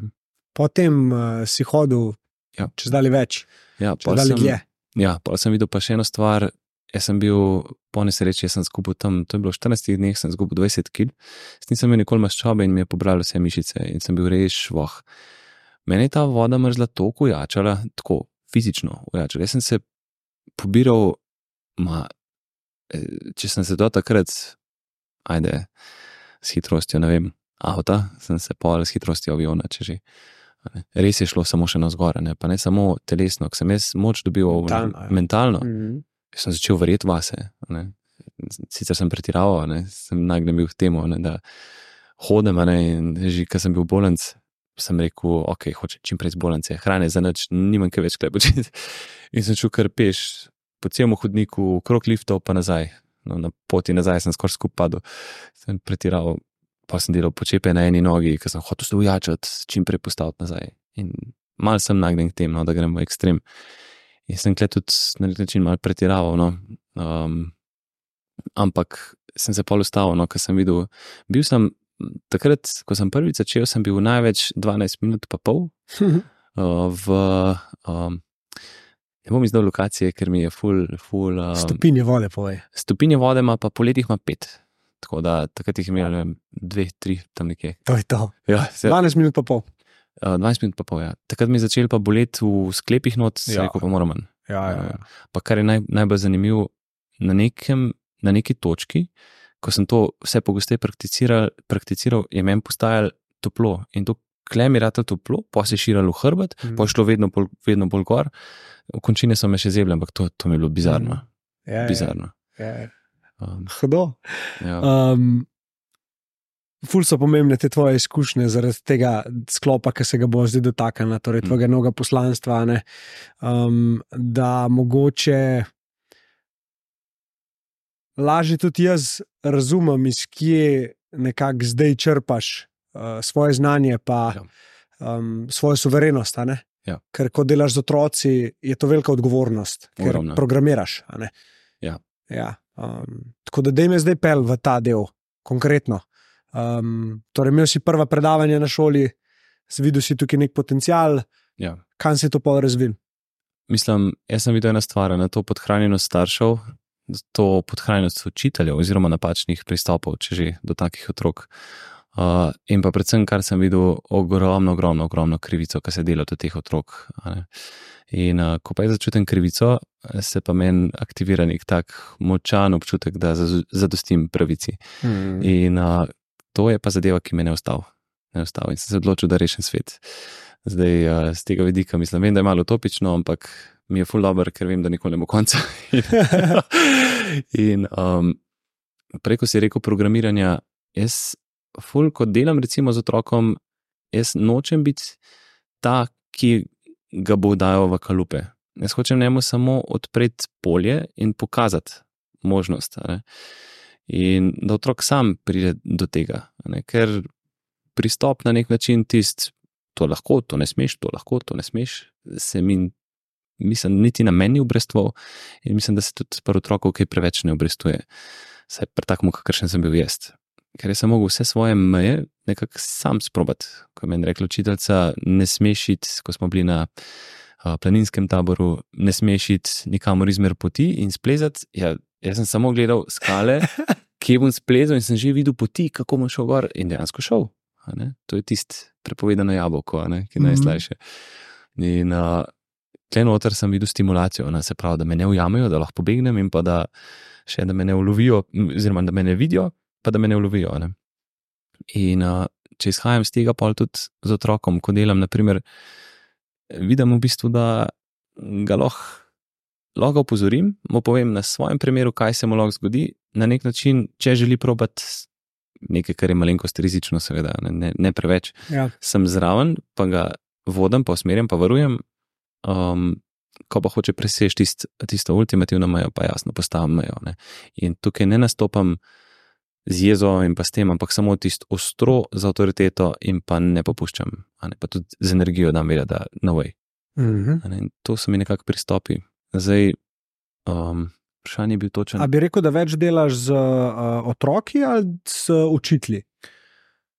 Ja, do zdaj sem kar precej delal z učitelji, um, eno obdobje, um, ker se pravi, ko sem začel po šolah delati, jaz se nobenemu ne prodajam, niti se nočem, ker tam, kjer je potreba, tam, kjer je želja, tja bom prišel. In um, ko sem enkrat tudi predaval no, na parih šolah, je šel glas, verjetno kar precej naokrog. In sem imel obdobje, ko sem full predaval po šolah, se še vedno full. Um, Uh, pa sem delal pa delavnice z otroki, pa individualne z otroki, um, ampak ne tako pogosto, kot sem predaval, ker sem v bistvu na tedenski ravni. Uh, zdaj, ko sem pa v šoli, ko prav v šoli delam, lahko rečem pa, da delam več z otrokom Mm. in mi je top. Pač. Um, A, je, a bi rekel, da je ADHD sam po sebi, prej smo se ga že malo dotaknili, pa se ga zdaj še enkrat. Ja. Um, misunderstood, torej, da ga ljudje ne razumejo, jih najboljš. definitivno. Ker je neka, neka nalepka, ne? ki je Ja, tako zelo seveda. površinska. A, ADHD ima, pust, pust ga. Ne? Lih to je narobe, pust ga. ne. Točno to. ne? Veš, ko, jaz, če bi bil prepuščen sam sebi, veš, jaz sem bil otrok, ki je, oziroma jaz bom tako rekel, če imaš ADHD, si alergičen na dolg čas. Ne, pravi, Mm. ko doživiš dolg čas, je to nek občutek frustracije, ki ne moreš handlati in rabaš eno stimulacijo, da ta dolg čas presekaš. Ne. In problem je, če otrok. Če je otrok prepuščen sam sebi, če nima nekega varnega zaupnika v staršu, ali pa v učitelju, ali pa v prijatelju, eh, ali pa v psu, kot v mojem primeru, um, je v bistvu mm, zelo nevaren, da je spravljen tako, kreneš s poti. Ne. Na svetu imaš tisto markirano pot, pa imaš pa tisto kozje stezice, ki te odpeljejo proti, tudi proti prepadom. Lahko, ne. Ja. In um, zelo dišijo te kozje stezice, ne, ker so zelo mamljive, pa Dolg čas ti zihnov, dolg testinov, ki plezaš, pa malo visiš nad prepadi, pa to, ampak na neki točki lahko padeš. In, in če živiš tako intenzivno in pa tako impulzivno na nek način, kot kar ADHD, pa si zelo navaren, da večkrat padeš. Mm. In problem je, da na neki točki lahko tako padeš, da se ne moreš več pobrati. In klej govorim o formiranju neke osebnosti, ki je toksična, manipulativna, um, lahko v tem, da posegaš po um, substancah, Mm. ker imaš vedeti, v osnovi imam, imamo nekako premakovanje neurotransmiterja dopamina. Mm. In dopamin sam po sebi ti, je- ti daje občutek motivacije ne, in pa tak nek pleasure feeling, ne, dober občutek, ampak najbolj je tisti notranji feeling motivacije, da ti vzdržuješ in pa neko aktivnost in pa delo do svojega cilja. In če tega nimaš, iščeš motivacijo v zunanjem okolju. Predvsem pa iščeš neke te hitre, kako bi rekel, um, zadostitve po tem dopaminu, da, Ja, ja, da ja. hitro dobiš ta raš dopaminski. ne. In to so ti pa vse igrice na telefonu, to ti je hrana, ki je bogata z močnimi okusi, Mm. fast foodi, uh, sladkor, sploh. Mm. In um, seveda pa pol tudi alkohol, ko ga spoznaš prvič. Praktično vse, kar je zasvojljivo, ne Vse. nikotin. Vse, vse, nikotin sploh. Ja. Vse to sproža dopamin. Ja, ja. In um, če govorimo o substancah, ista zadeva. Ne? Ga pa sproža tudi mrzla voda. Ne? Uf, in to zelo. In to zelo. A bi rekel, da zato mogoče to deluje pri tebi? Mislim, da tudi ja. Ja. Mislim, da tudi. Um, mislim, deluje v tem smislu tudi, da težko neham s tem. ne. Pa mi ni težko. No. Sicer ne smem pretiravati, ker je še vsem stres. ja. In um, nočem preveč te, tega stresa imeti, um, ampak po drugi strani pa, ko čutim upadanje volje, upadanje motivacije, to je moj red flag, voda, ja. voda. Hudo. to. Um, en primer ti bom povedal. Ja. En udeleženc na mojem workshopu ne, mi je prvi prv sešem povedal, pa je tudi fan tega podcasta, tako da nec, hvala ti, da spremljaš, cenam. Večkrat mi je napisal, da je punco jokata, kaj je ta zga slišta. Mm. Um, mislim, da ima ta sozne oči, kako koli bi temu rekel. Um, Postaven možakar, to je 1,90 m, Mm, skala, prav, dec. Ta pravdec, Ja. ja. on meni na prvem sešnu reče: Ja, ja, veš, jaz to. Um, Neki zadev je naštel in je rekel: "Veš, Ja, jaz imam ADHD. a ne." Mm. Jaz sem ga gledal, veš, in sem bil tako. No, opazil sem, kako se en del mene hoče prelimati na to etiketo, a ne, in ga takoj že zdaj drugače obravnavati. En del mene je pa rekel, to sem mu tudi na glas rekel, sem rekel, veš, če z tega pizda, sorry, stari, ampak jaz tega ne vidim, ne, da mi, da mi pač pokaž, kaj, Mm. mislim, razlož mi Ja. da bom razumel. Uh, ja, ja, jaz sem nemiren, jaz sem to, jaz sem un, jaz sem tretji, jaz sem četrtne. In, in pol sva začela mi dva delati skupaj. Hmm. In sem v bistvu jaz opazil, da ko mi dva delava, pa ko dajeva fokus na eno stvar, mm. Mm. da je to Nobenih raketa. Ja. Ne, in sem rekel, stari. Ja. Pa ti edini problem, ki ga imaš, je to, da se preveč stvari naenkrat lotevaš. Ne veš točno, kaj bi bilo tisto, kar bo zate najbolj. In ko vidiš nekaj, kar ti je zanimivo, skočiš ke. Ja. A, ne, a lahko probamo najti en način, da se zmenjava, da se samo zavestaš, ker se ti to zgodi, pa se probaš vrniti na uno stvar, ki jo delaš. Ja.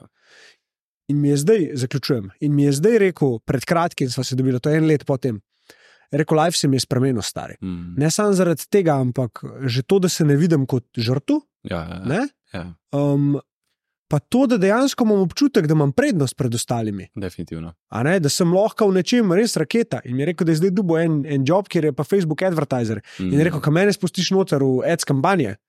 To je to, pa jaz to spendam več kot vsi ostali, meni to ni padi, ker sem rekel, evo te stari, ker evo ti tvoja etiketa. zato, ker je lahko kreativen, zato, ker se lahko izraža, zato, ker lahko počne to, kar pač drugi ne morejo, in to je, ko doživi nek ta impuls, ko doživi ta nek naboj, ko dobi neko vizijo, je praktično nič ni nemogočega.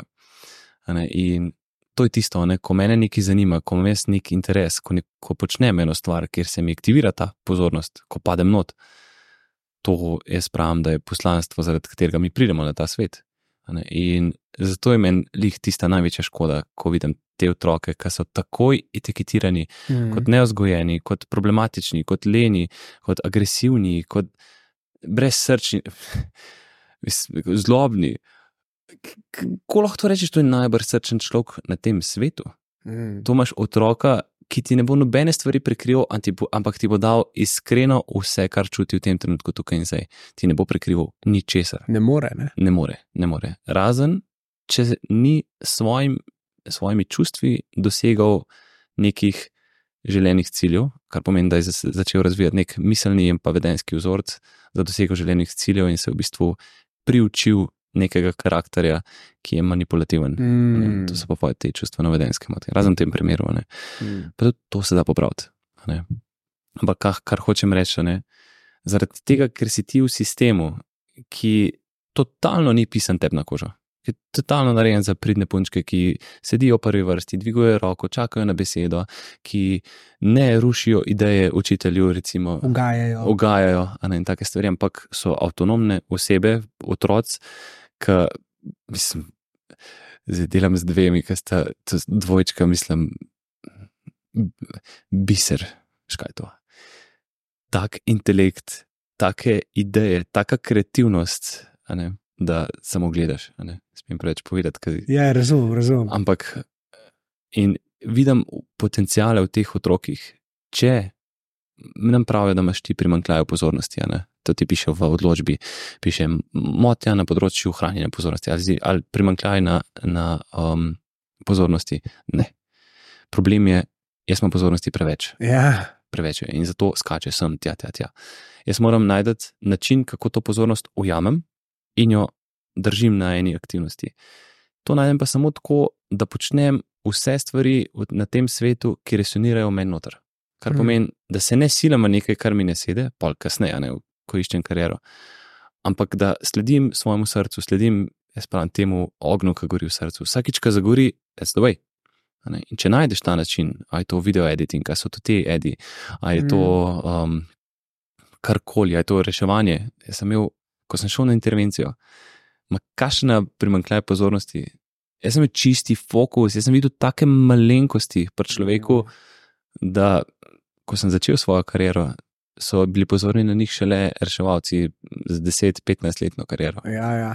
ko sem jaz dal kanal v žilo, recimo, ne, za infuzijo, ko sem, pre- ko sem paril žilo, jaz sem točen videl v tem notranjem očesu, če lahko, točen videl debelino strukture in je samo padal, mislim, debelino stene, uh, žile, uh, kože in je samo padal noter. Tup. Čisti hiperfokus.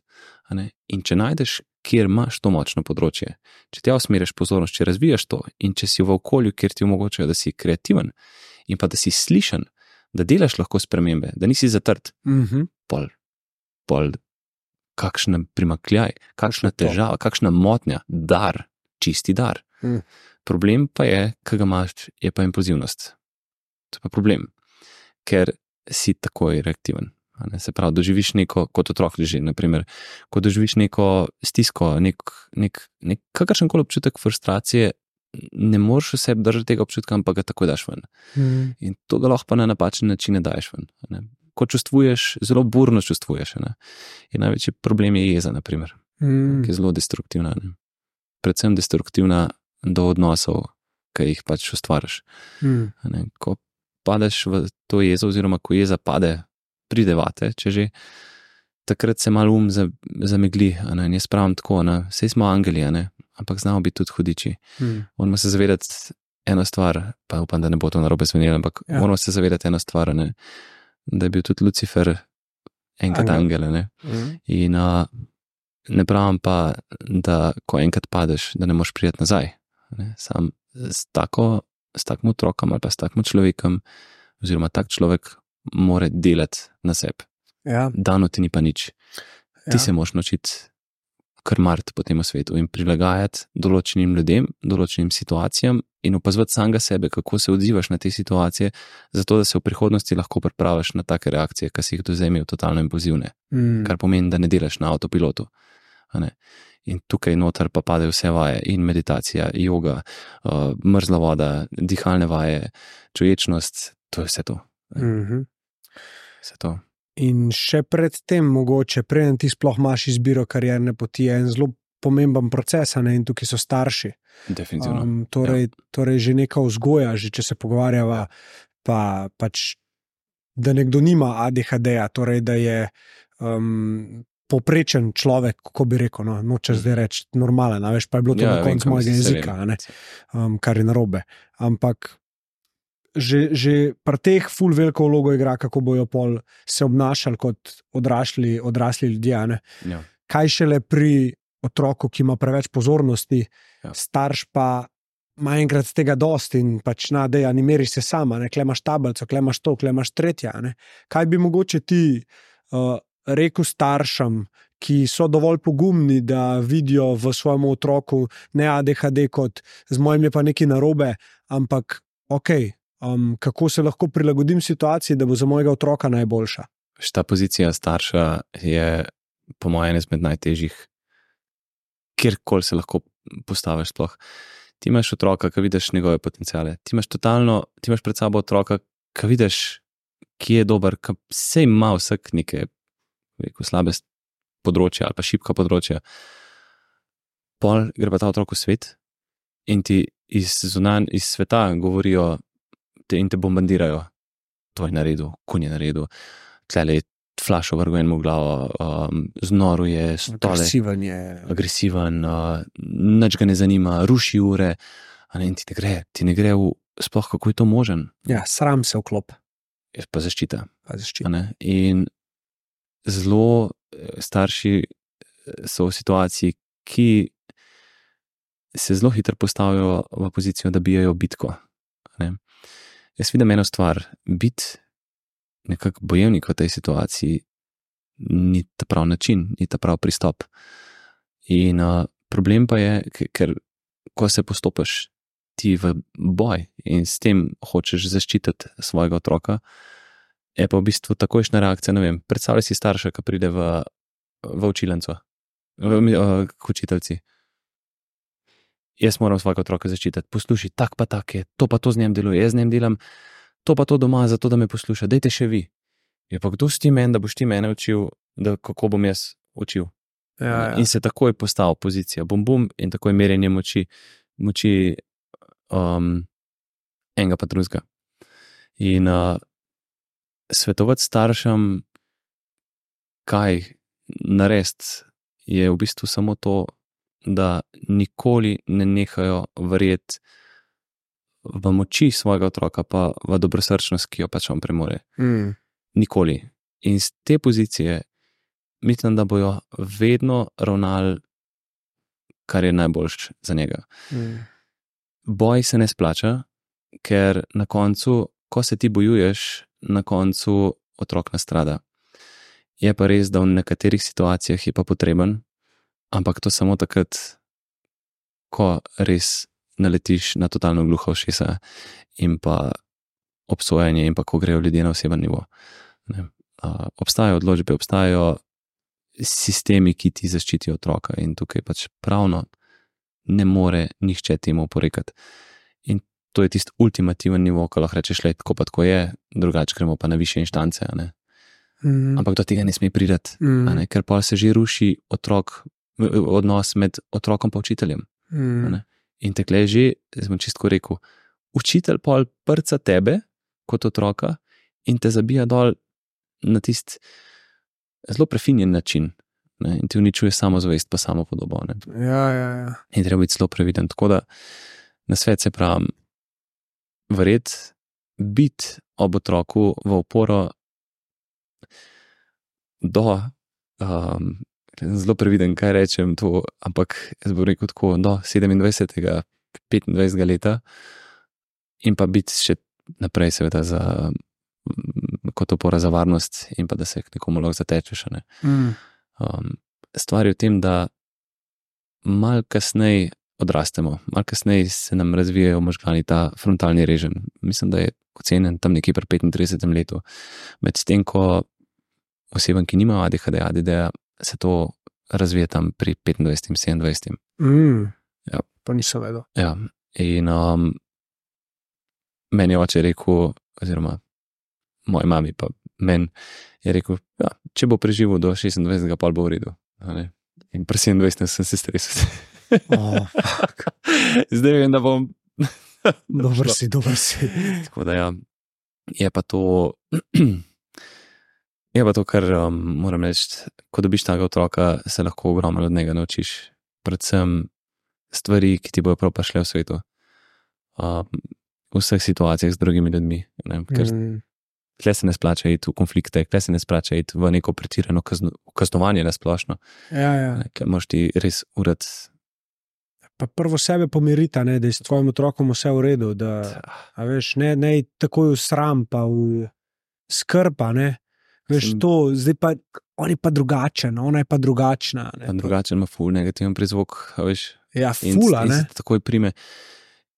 Jaz mislim, da greš, ko doživiš enkrat to, ti povejo, da otrok ima nekaj takega, greš skozi svoje faze. Prvo je zanikanje, ne, se moj pa ne, ne. Drugo je, da hočeš otroka obvarovati in zaščititi. Šele pol nekje prihaja sprejemanje. Ne. In stvar, čisto se je v meni naredili starši. Jaz sem izražal ful željo po, sem bil mehen, mi smo se skozi. To je bilo že tisto zdravo otroštvo, ki si se igral na vasi, kaj Ja, ja. mene je fotor poklical domov ne po telefonu, ampak je požvižgal.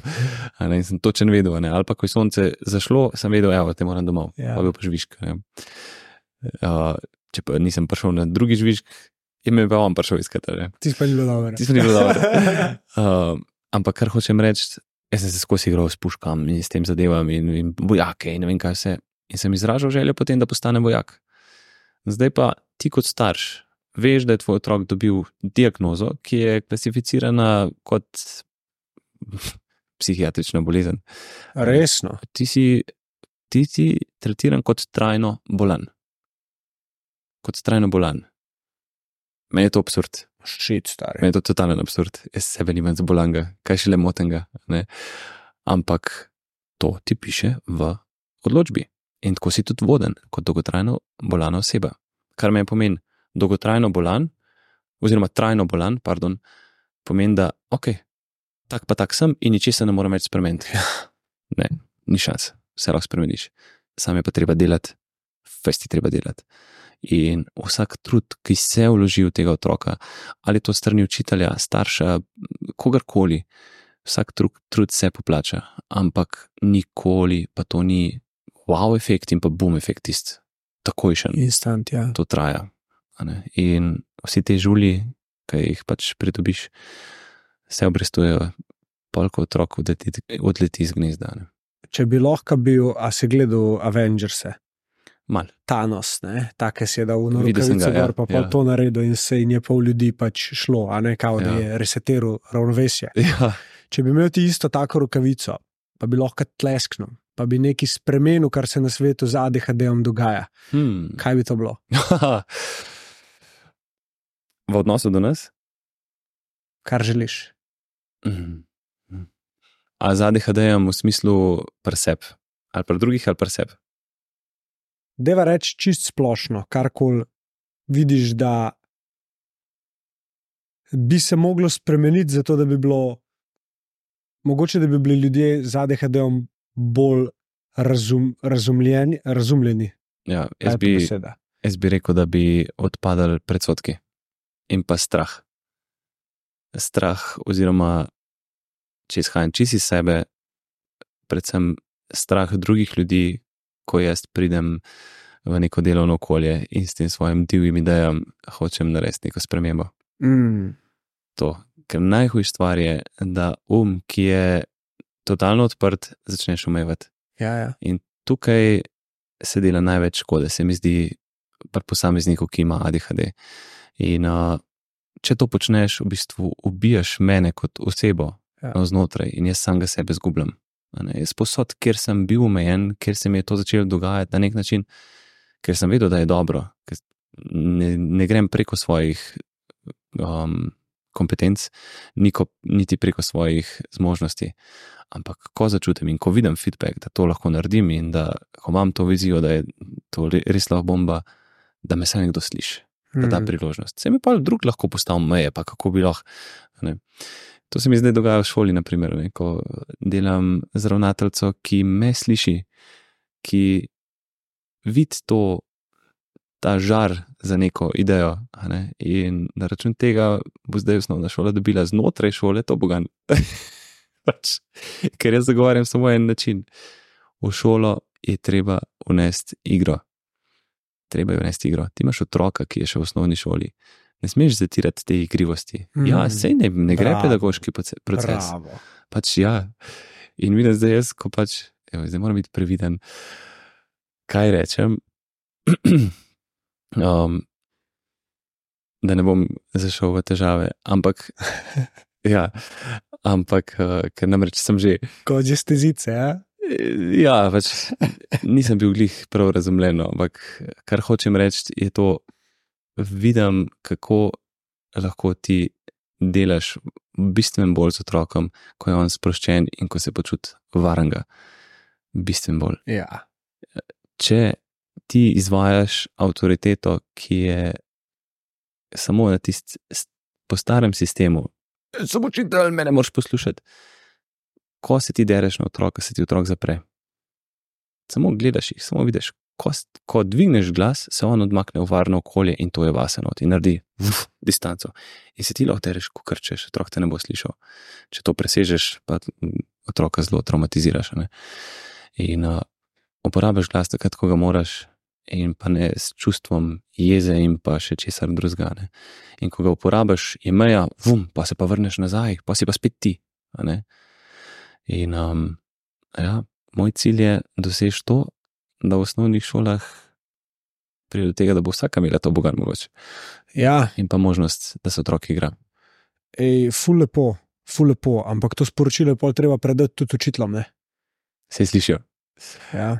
Veš, um, mislim, da tisti, ki, tist, ki me pozna, tisti, ki vidi uspeh na otroku in pa, oziroma princip mojega dela, ki se kaže z uspešnostjo otroka, tisti bo zaupal in si bo upal tudi probat. a ne. Jaz rušim meje šolskega, starega šolskega sistema, ki slejko prej bo šel v neko prelomno točko, da ne bom preveč drastično rekel, na, na, na jeziku sem imel pogubo, ampak moraš vedeti eno stvar.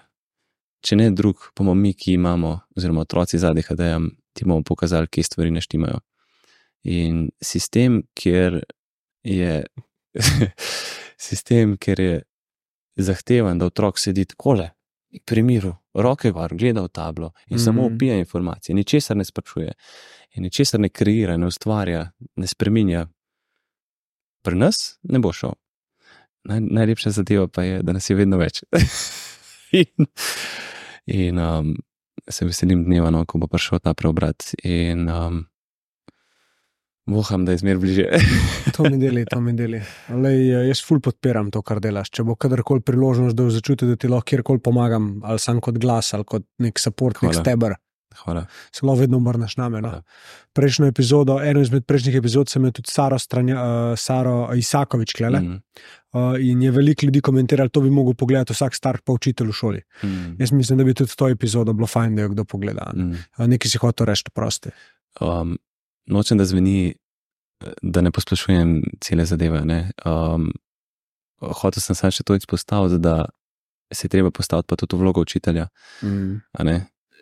To je tudi zelo težka situacija. Ne? Ko imaš ti nekaj za odvoditi, ne? ko imaš ti nekaj za predati, in imaš znotraj razreda enega, dva, tri, nekaj šest, ki ti totalno rušijo uro, totalno rušijo idejo, kako boš spelo zadevo. In um, ni, ni lahka situacija.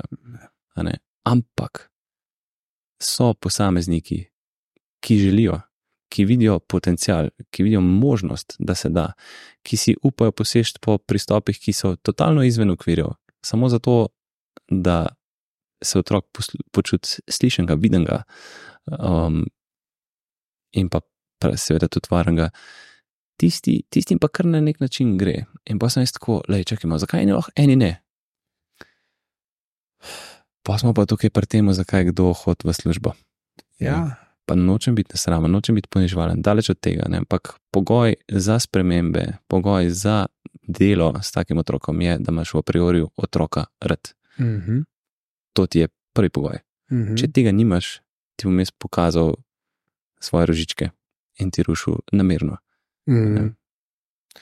Um, ne vem, ne poznam tega področja tok, ampak spremljala me je ena misel, koliko se pa vlaga dejansko v izobraževanje učiteljev. Torej, koliko se investira v to, da oni tudi lahko v sklopu dela osebnost narastejo, da lahko bolj razumejo te zadeve. Vse je. Spet je to odvisno, kaj določena šola vzame. Ne. Oni imajo svoj resurs, koliko bojo namenili določenih sredstev za izobraževanje, takšne in drugačne. In po nekaterih šolah, odvisen kdo to izbere, ali dajo možnost učiteljem, ali ravnatelj, ravnateljca, skratka, imajo možnost izobraževanja. Ne. In um, zdaj pa sem odvisen, kaj je tisti problem, ki jih zanima. Ne. Čeprav je tako, jaz vidim, ko pridem predavati, ne vidim eno stvar. Takrat je vse bum, vse wow, ne, vse je zanimivo. Ne, jaz pravim, da je otroku, ki je nemiren, ne, ko neki rab v rokah, da to, dajmo to žabo. Ste hotel vprašati, ja, A ne? zakaj imaš to žabo? Pač jaz rabim nekaj zaposliti. Ja. Ne, in jaz to počnem čisto na nezavednem nivoju. Mhm. Ampak, kot ti pravim, jaz imam pozornost široko odprto. In s tem, ko jaz malenkost eno stvar delam, en tak malenkosten gib, kot je klikanje s kulijem, Mm. tapkanje, gujce, gujcanje se po stolu. skratka, meni to pozornost malenkost zapolni, ne, ker jo preveč, jo malenkost obremeni, zato da ješ lažje sledim. ker če jaz tega ne dam ven preko motoričnega uh, gibanja, se v bistvu zgodi, da mi misli pobegnejo na vse Ja. možne strani. Ne. Iščem te distrakcije. Ne. Moja pozornost gre v svet. Pola. Mm. In na ta način jaz sam se pomagam, da se umirim in pa da držim pozornost. Mm. Zato se otroci tudi zibajo, taki otroci, konstantno, ne? med poukom. Zakaj se jaz zibam? Ne? Sej, ja, ok, se igram včasih, ampak ko se jaz zibam, jaz moram loviti ravnotežje. In ko jaz lov- lovim ravnotežje, je del moje pozornosti na tem, del pa na učitelju. Mm. In jaz lažje sledim. ne. In to so taki pristopi, ki so mogoče totalno skregani z nekimi šolskimi pravili. ne. Si- Ja, ja. Veš, ali pa da ima otrok čikumi, na primer. Ne? Vse, kar mu daš, jaz mu dam žabo, mu rečem, le, žabo imaš lahko pri sebi, lahko delaš to, lahko, lahko jo stiskaš, lahko jo glavo vrtiš, lahko jo razteguješ. Jaz vse usmislim, jaz vse mu dam smisel. Če jaz ne mu dam žabo, če bi meni dal en samo žabo, bi letela na steno ta prva, vem, če se zalima. A, a veš, postaviš meje. To pa to lahko počneš, če tega ne počneš, pač ne boš imel. In je to to. Ko se zibaš, se ziba malenkost. In ko boš videl, da se drugi zibajo, nehaš. Ne? ne greš na eno točko in probaš totalno loviti ravnoteže sam na eni nogi. ne. Vse je treba umeti, sposod je treba postaviti pravila. Mi smo otroci, ki upam, da nikoli ne odrastemo. In zato, da se lahko igramo v vseh situacijah življenja, rabimo imeti neka pravila, ki držijo to igro. Mm. In te treba sam na tak način razmišljati. Postavi pravila, zato da igra lahko teče. Mm. To delaš pod okriljem uh, modri junaki, vse, ne? Ja. A sem prav povedal? Ja. ja bomo še ta link od spodaj dali. Da mi malo povej, um, aj kakšen namen za imenom. Ja. Uh, In sicer posvetila se mi zadeva po vsem tem, veš, mi živimo življenje kar po mal, ko rekel, hitrejšem tempu. In na naši življenjski poti do tega, da pridemo odra, do dobe odraslosti, če grem nekoga primerjati, ki nima tega, smo lahko bogatejši za še enkrat več, če ne še več izkušenj, ker je vsega je več, vseh interakcij je več, zanimanja je več, poskusov raznih stvari je več. In večkrat, seveda, tudi iščemo tam mejo in se lahko tudi večkrat malo pečemo, malo udarimo, kako koli, malo se lahko zaboli. In z vsem tem izkušnjam, ki jih pridobimo, če jih uporabimo v svoj prid, če jih znamo uporabiti v, v svojo korist, da se od tega nekaj naučimo, postajamo modri. Ne, postajamo modrejši v tem svetu. In uh, je pa še ena stvar, ne, kljub temu, da smo večkrat, da večkrat pademo, da smo večkrat pod tistim negativnim glasom uh, ali pa očrnjeni, da verjameš vase in pa da se zavedaš, da vkolikor boš živel po tem, kar vidiš v tem svojem. Uh, uh, V tej svoji viziji, um, kar vidiš in si predstavljaš, in to želiš, in če greš tja, kjer je ogen v srcu, lahko postaneš enak svoje zgodbe. In za moje pojme so to modri enaki. Se pravi, so to neki so neke uspešne zgodbe nekih zelo bistrih, zelo iznajdljivih, kreativnih uh, duš, ki so prišle na ta svet, zato da ga spremenjamo. Hmm. Samo zato. Na kva si v sklopu te zgodbe do zdaj uh, najbolj ponosen? Najbolj ponosen. V smislu dosežkov ali, ali prav najbolj, ok. Najbolj sem ponosen na par, ker mal me. Najbolj sem ponosen na um, spremembe pri dveh otrokih in pa pri starših, mogoče tistih dveh otrok, saj ene sploh, da mal me, mal me veš, čustva me mal. Um, da vidijo svojega otroka in da so pripravljeni narediti spremembo v tej smeri, da pridobijo nazaj otrokovo zaupanje in pa da ga spet spustijo blizu sebe. Mm. Ne morem več govoriti, ker so zgodbe zelo um, težke, mogoče v zadju, ampak uh, ponosen sem tako na, recimo, na enega starša in pa predvsem tudi na enega otroka, ki je naredil pa res drastično spremembo. In um, tukaj sem končno začutil vrednost svojega dela, ki me do zdaj nikoli ni zadovoljil. Sem dobival aplauze po 250 ljudi naenkrat in se nikoli nisem počutil vreden tega. Šele, šele zdaj, ko, ko vidim to, kar lahko naredim, je pa, je pa res čutim spet svoje srce. Bi rekel, da se je tudi meja, kar si prej mogoče videl, mogočega, da lahko narediš, Ja. dvignila. Definitivno. Vem, da lahko naredim nemogoče. Mm. Definitivno. Ne. In to je, mislim, to, to so ene take najlepših stvari, no, ki se ti lahko v življenju zgodijo. No, da dejansko dobiš res, res otroka, ki ti zaupa stoprocentno in kljub temu, da imaš daj odpore, da imaš daj boje, take zadeve, vidiš, da se trudi in um, vidiš, da prihaja iz tiste teme nazaj na svetlobo Mm. in um, da spet zas, zasijo tisti polni luči. To je, to je tisto, zaradi česar delam te stvari. In ta občutek, ki pomisliš, ne, in ne samo, da si daš vrednost na nekem racionalnem nivoju, se pravi, naredil sem to, zato sem dober, ampak začutiš, in Ja. ja. ki pridejo solze, veš, Ja. ja. se tudi to kdaj zgodi. Pa so to čist take malenkosti, pa Ja. ja, toplina, klele. Pogreje, ja, ja, to sem ja, hotel reči. ja, ja. Sem pa zelo, zelo vesel, pa ponosen na sebe, če lahko rečem, tudi na način, ki sem uspel kreirati eno delavnico, ki mi je pa pač sklepa moja duša, kleze pa si igram zraven, to je pa uh, lov na izgubljeno pozornost. Lov na izgubljeno Ja. pozornost. To je pa- Čakaj, to, to je uh, fizična igra, mislim, kako To je- ne mi opiš. To je delavnica, ki se dogaja na področju cirka 10 km in je v bistvu kot nek escape room, lov na zaklad in pa še aktivnosti, ki otroka preko igre konstantno držijo v pozornosti noter. In to, to, je, to, je, to je divje. To je divje. To je to, kar imaš tudi slike na Instagramu, ki ste Tudi, odzuli tudi, z tudi. uh, otroki. Tudi, tudi to. Ja. Tudi to. In cilj igre je, Cilj igre je čim dlje časa ohranjati pozornost. To je v zadju.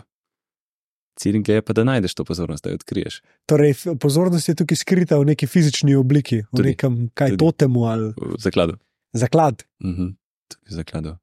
Oh, hudo. Kakšen je feedback od. Uh, Ful dober, nor. Pač to je vse, tukaj je eh, od plezanja, raziskovanja jam, uh, hoje po robu, če že. a si ti zraven? Vš čas, A, okay. ki jaz uživam zdravo, jaz se igram zraven z njimi. ja, to je To si zase naredil. v bistvu, ja, v bistvu res. In, uh, to je v bistvu na področju, kjer sem jaz odraščal kot otrok, kjer sem lovil kače, kjer sem uh, raziskoval stare utrdbe, bunkerje, tunele. Tukaj je moja duša, tukaj je moje srce, to, to, to diham, to živim in uh, to je ena božjih stvari. Hudo. A bi mogoče, um, je kaj pršalo mes, kakšna tematika ali kaj, ki bi se ti zdelo tako kul, cool, da bi se mogoče se dotaknila. Je kakšna taka stvar, ki jo mogoče eh, nisem dal prilike ti povedati. Pa, eh, Zdaj bi- sem tako prežet s čustvi, ker so se dotaknila tistih zadev, da jih zelo občutim in um, mi v to smer ne, sploh ne, ne kapne nobena stvar. Čudovito. Um, Potem bo nekaj vprašal. da je Ko vprašam vsakega gosta. A ne vem, a si poslušal kakšen podcast? cel ga ne, sem pa Ok. poslušal izseke. Okay, okay. izseke. Vprašam goste, um, če bi jutro umrl, Mm. Kaj bi bilo danes tvoje sporočilo svetu? um, jaz bi rekel, da življenju se nikoli ne smeš nehati igrati. Nikoli. In sledi tistim sanjam, ki ti gori, gorijo v srcu. Nikoli ne reči, ni še ta pravi čas. Zagriz, probej. Ko začutiš, pet. Nauči se to od te impulzivnosti, ki jo imamo mi ko jaz dobim ta impuls, to željo in da jo, jo zgrabim, brez da premislim. Včasih je fajn, da se kdo naleze tudi tega mal. Pa se v življenju dogajajo čudovite stvari, Mm. skoraj malo magične. Ja. Za eni, eni bojo rekli magija, drugi bojo rekli življenje. ja, Um, Matic, jaz sem full vesel, da si prišel. Da smo imeli tako debato. Verjamem, da nisi bil ti edini, ki so čustva pokala, tudi jaz imam soz noči, ne vem, ali je kakšna soza vmes pretekla ali ne. Uh, hvala, da si tako odprto vse delil. Veseljem. Pa um, vesel sem, da si vzor lahko, ne samo mlajšim od sebe, ampak tudi starejšim. Uh, in verjamem, da boš ogromne stvari na svetu naredil. In naj ti ta energija od zadaj, ki je ena čista ljubezen, ki jo čutim, um, Mhm. da je samo krila. Najlepša hvala, res Ja. iskrena iz srca, res prav. Moram reči, da sem se fully veselil no tega podcasta. Um, Ker sem videl par teh izsekov, sem, sem prav začutil isto, isto zadevo, ki jo imam iz sebe. In sicer to močno željo in predanost, ki je res tista pur. In uh, sem vedel, da ko bom stopil sem in ko bom spregovorila, da bom dejansko lahko to, kar sem, brez česar koli. In, uh, hvala, ker držiš ta prostor varnosti in pa možnosti. In pa daješ svet, svet mislim, glas svetu, v svet. Pardon. Top. Hvala.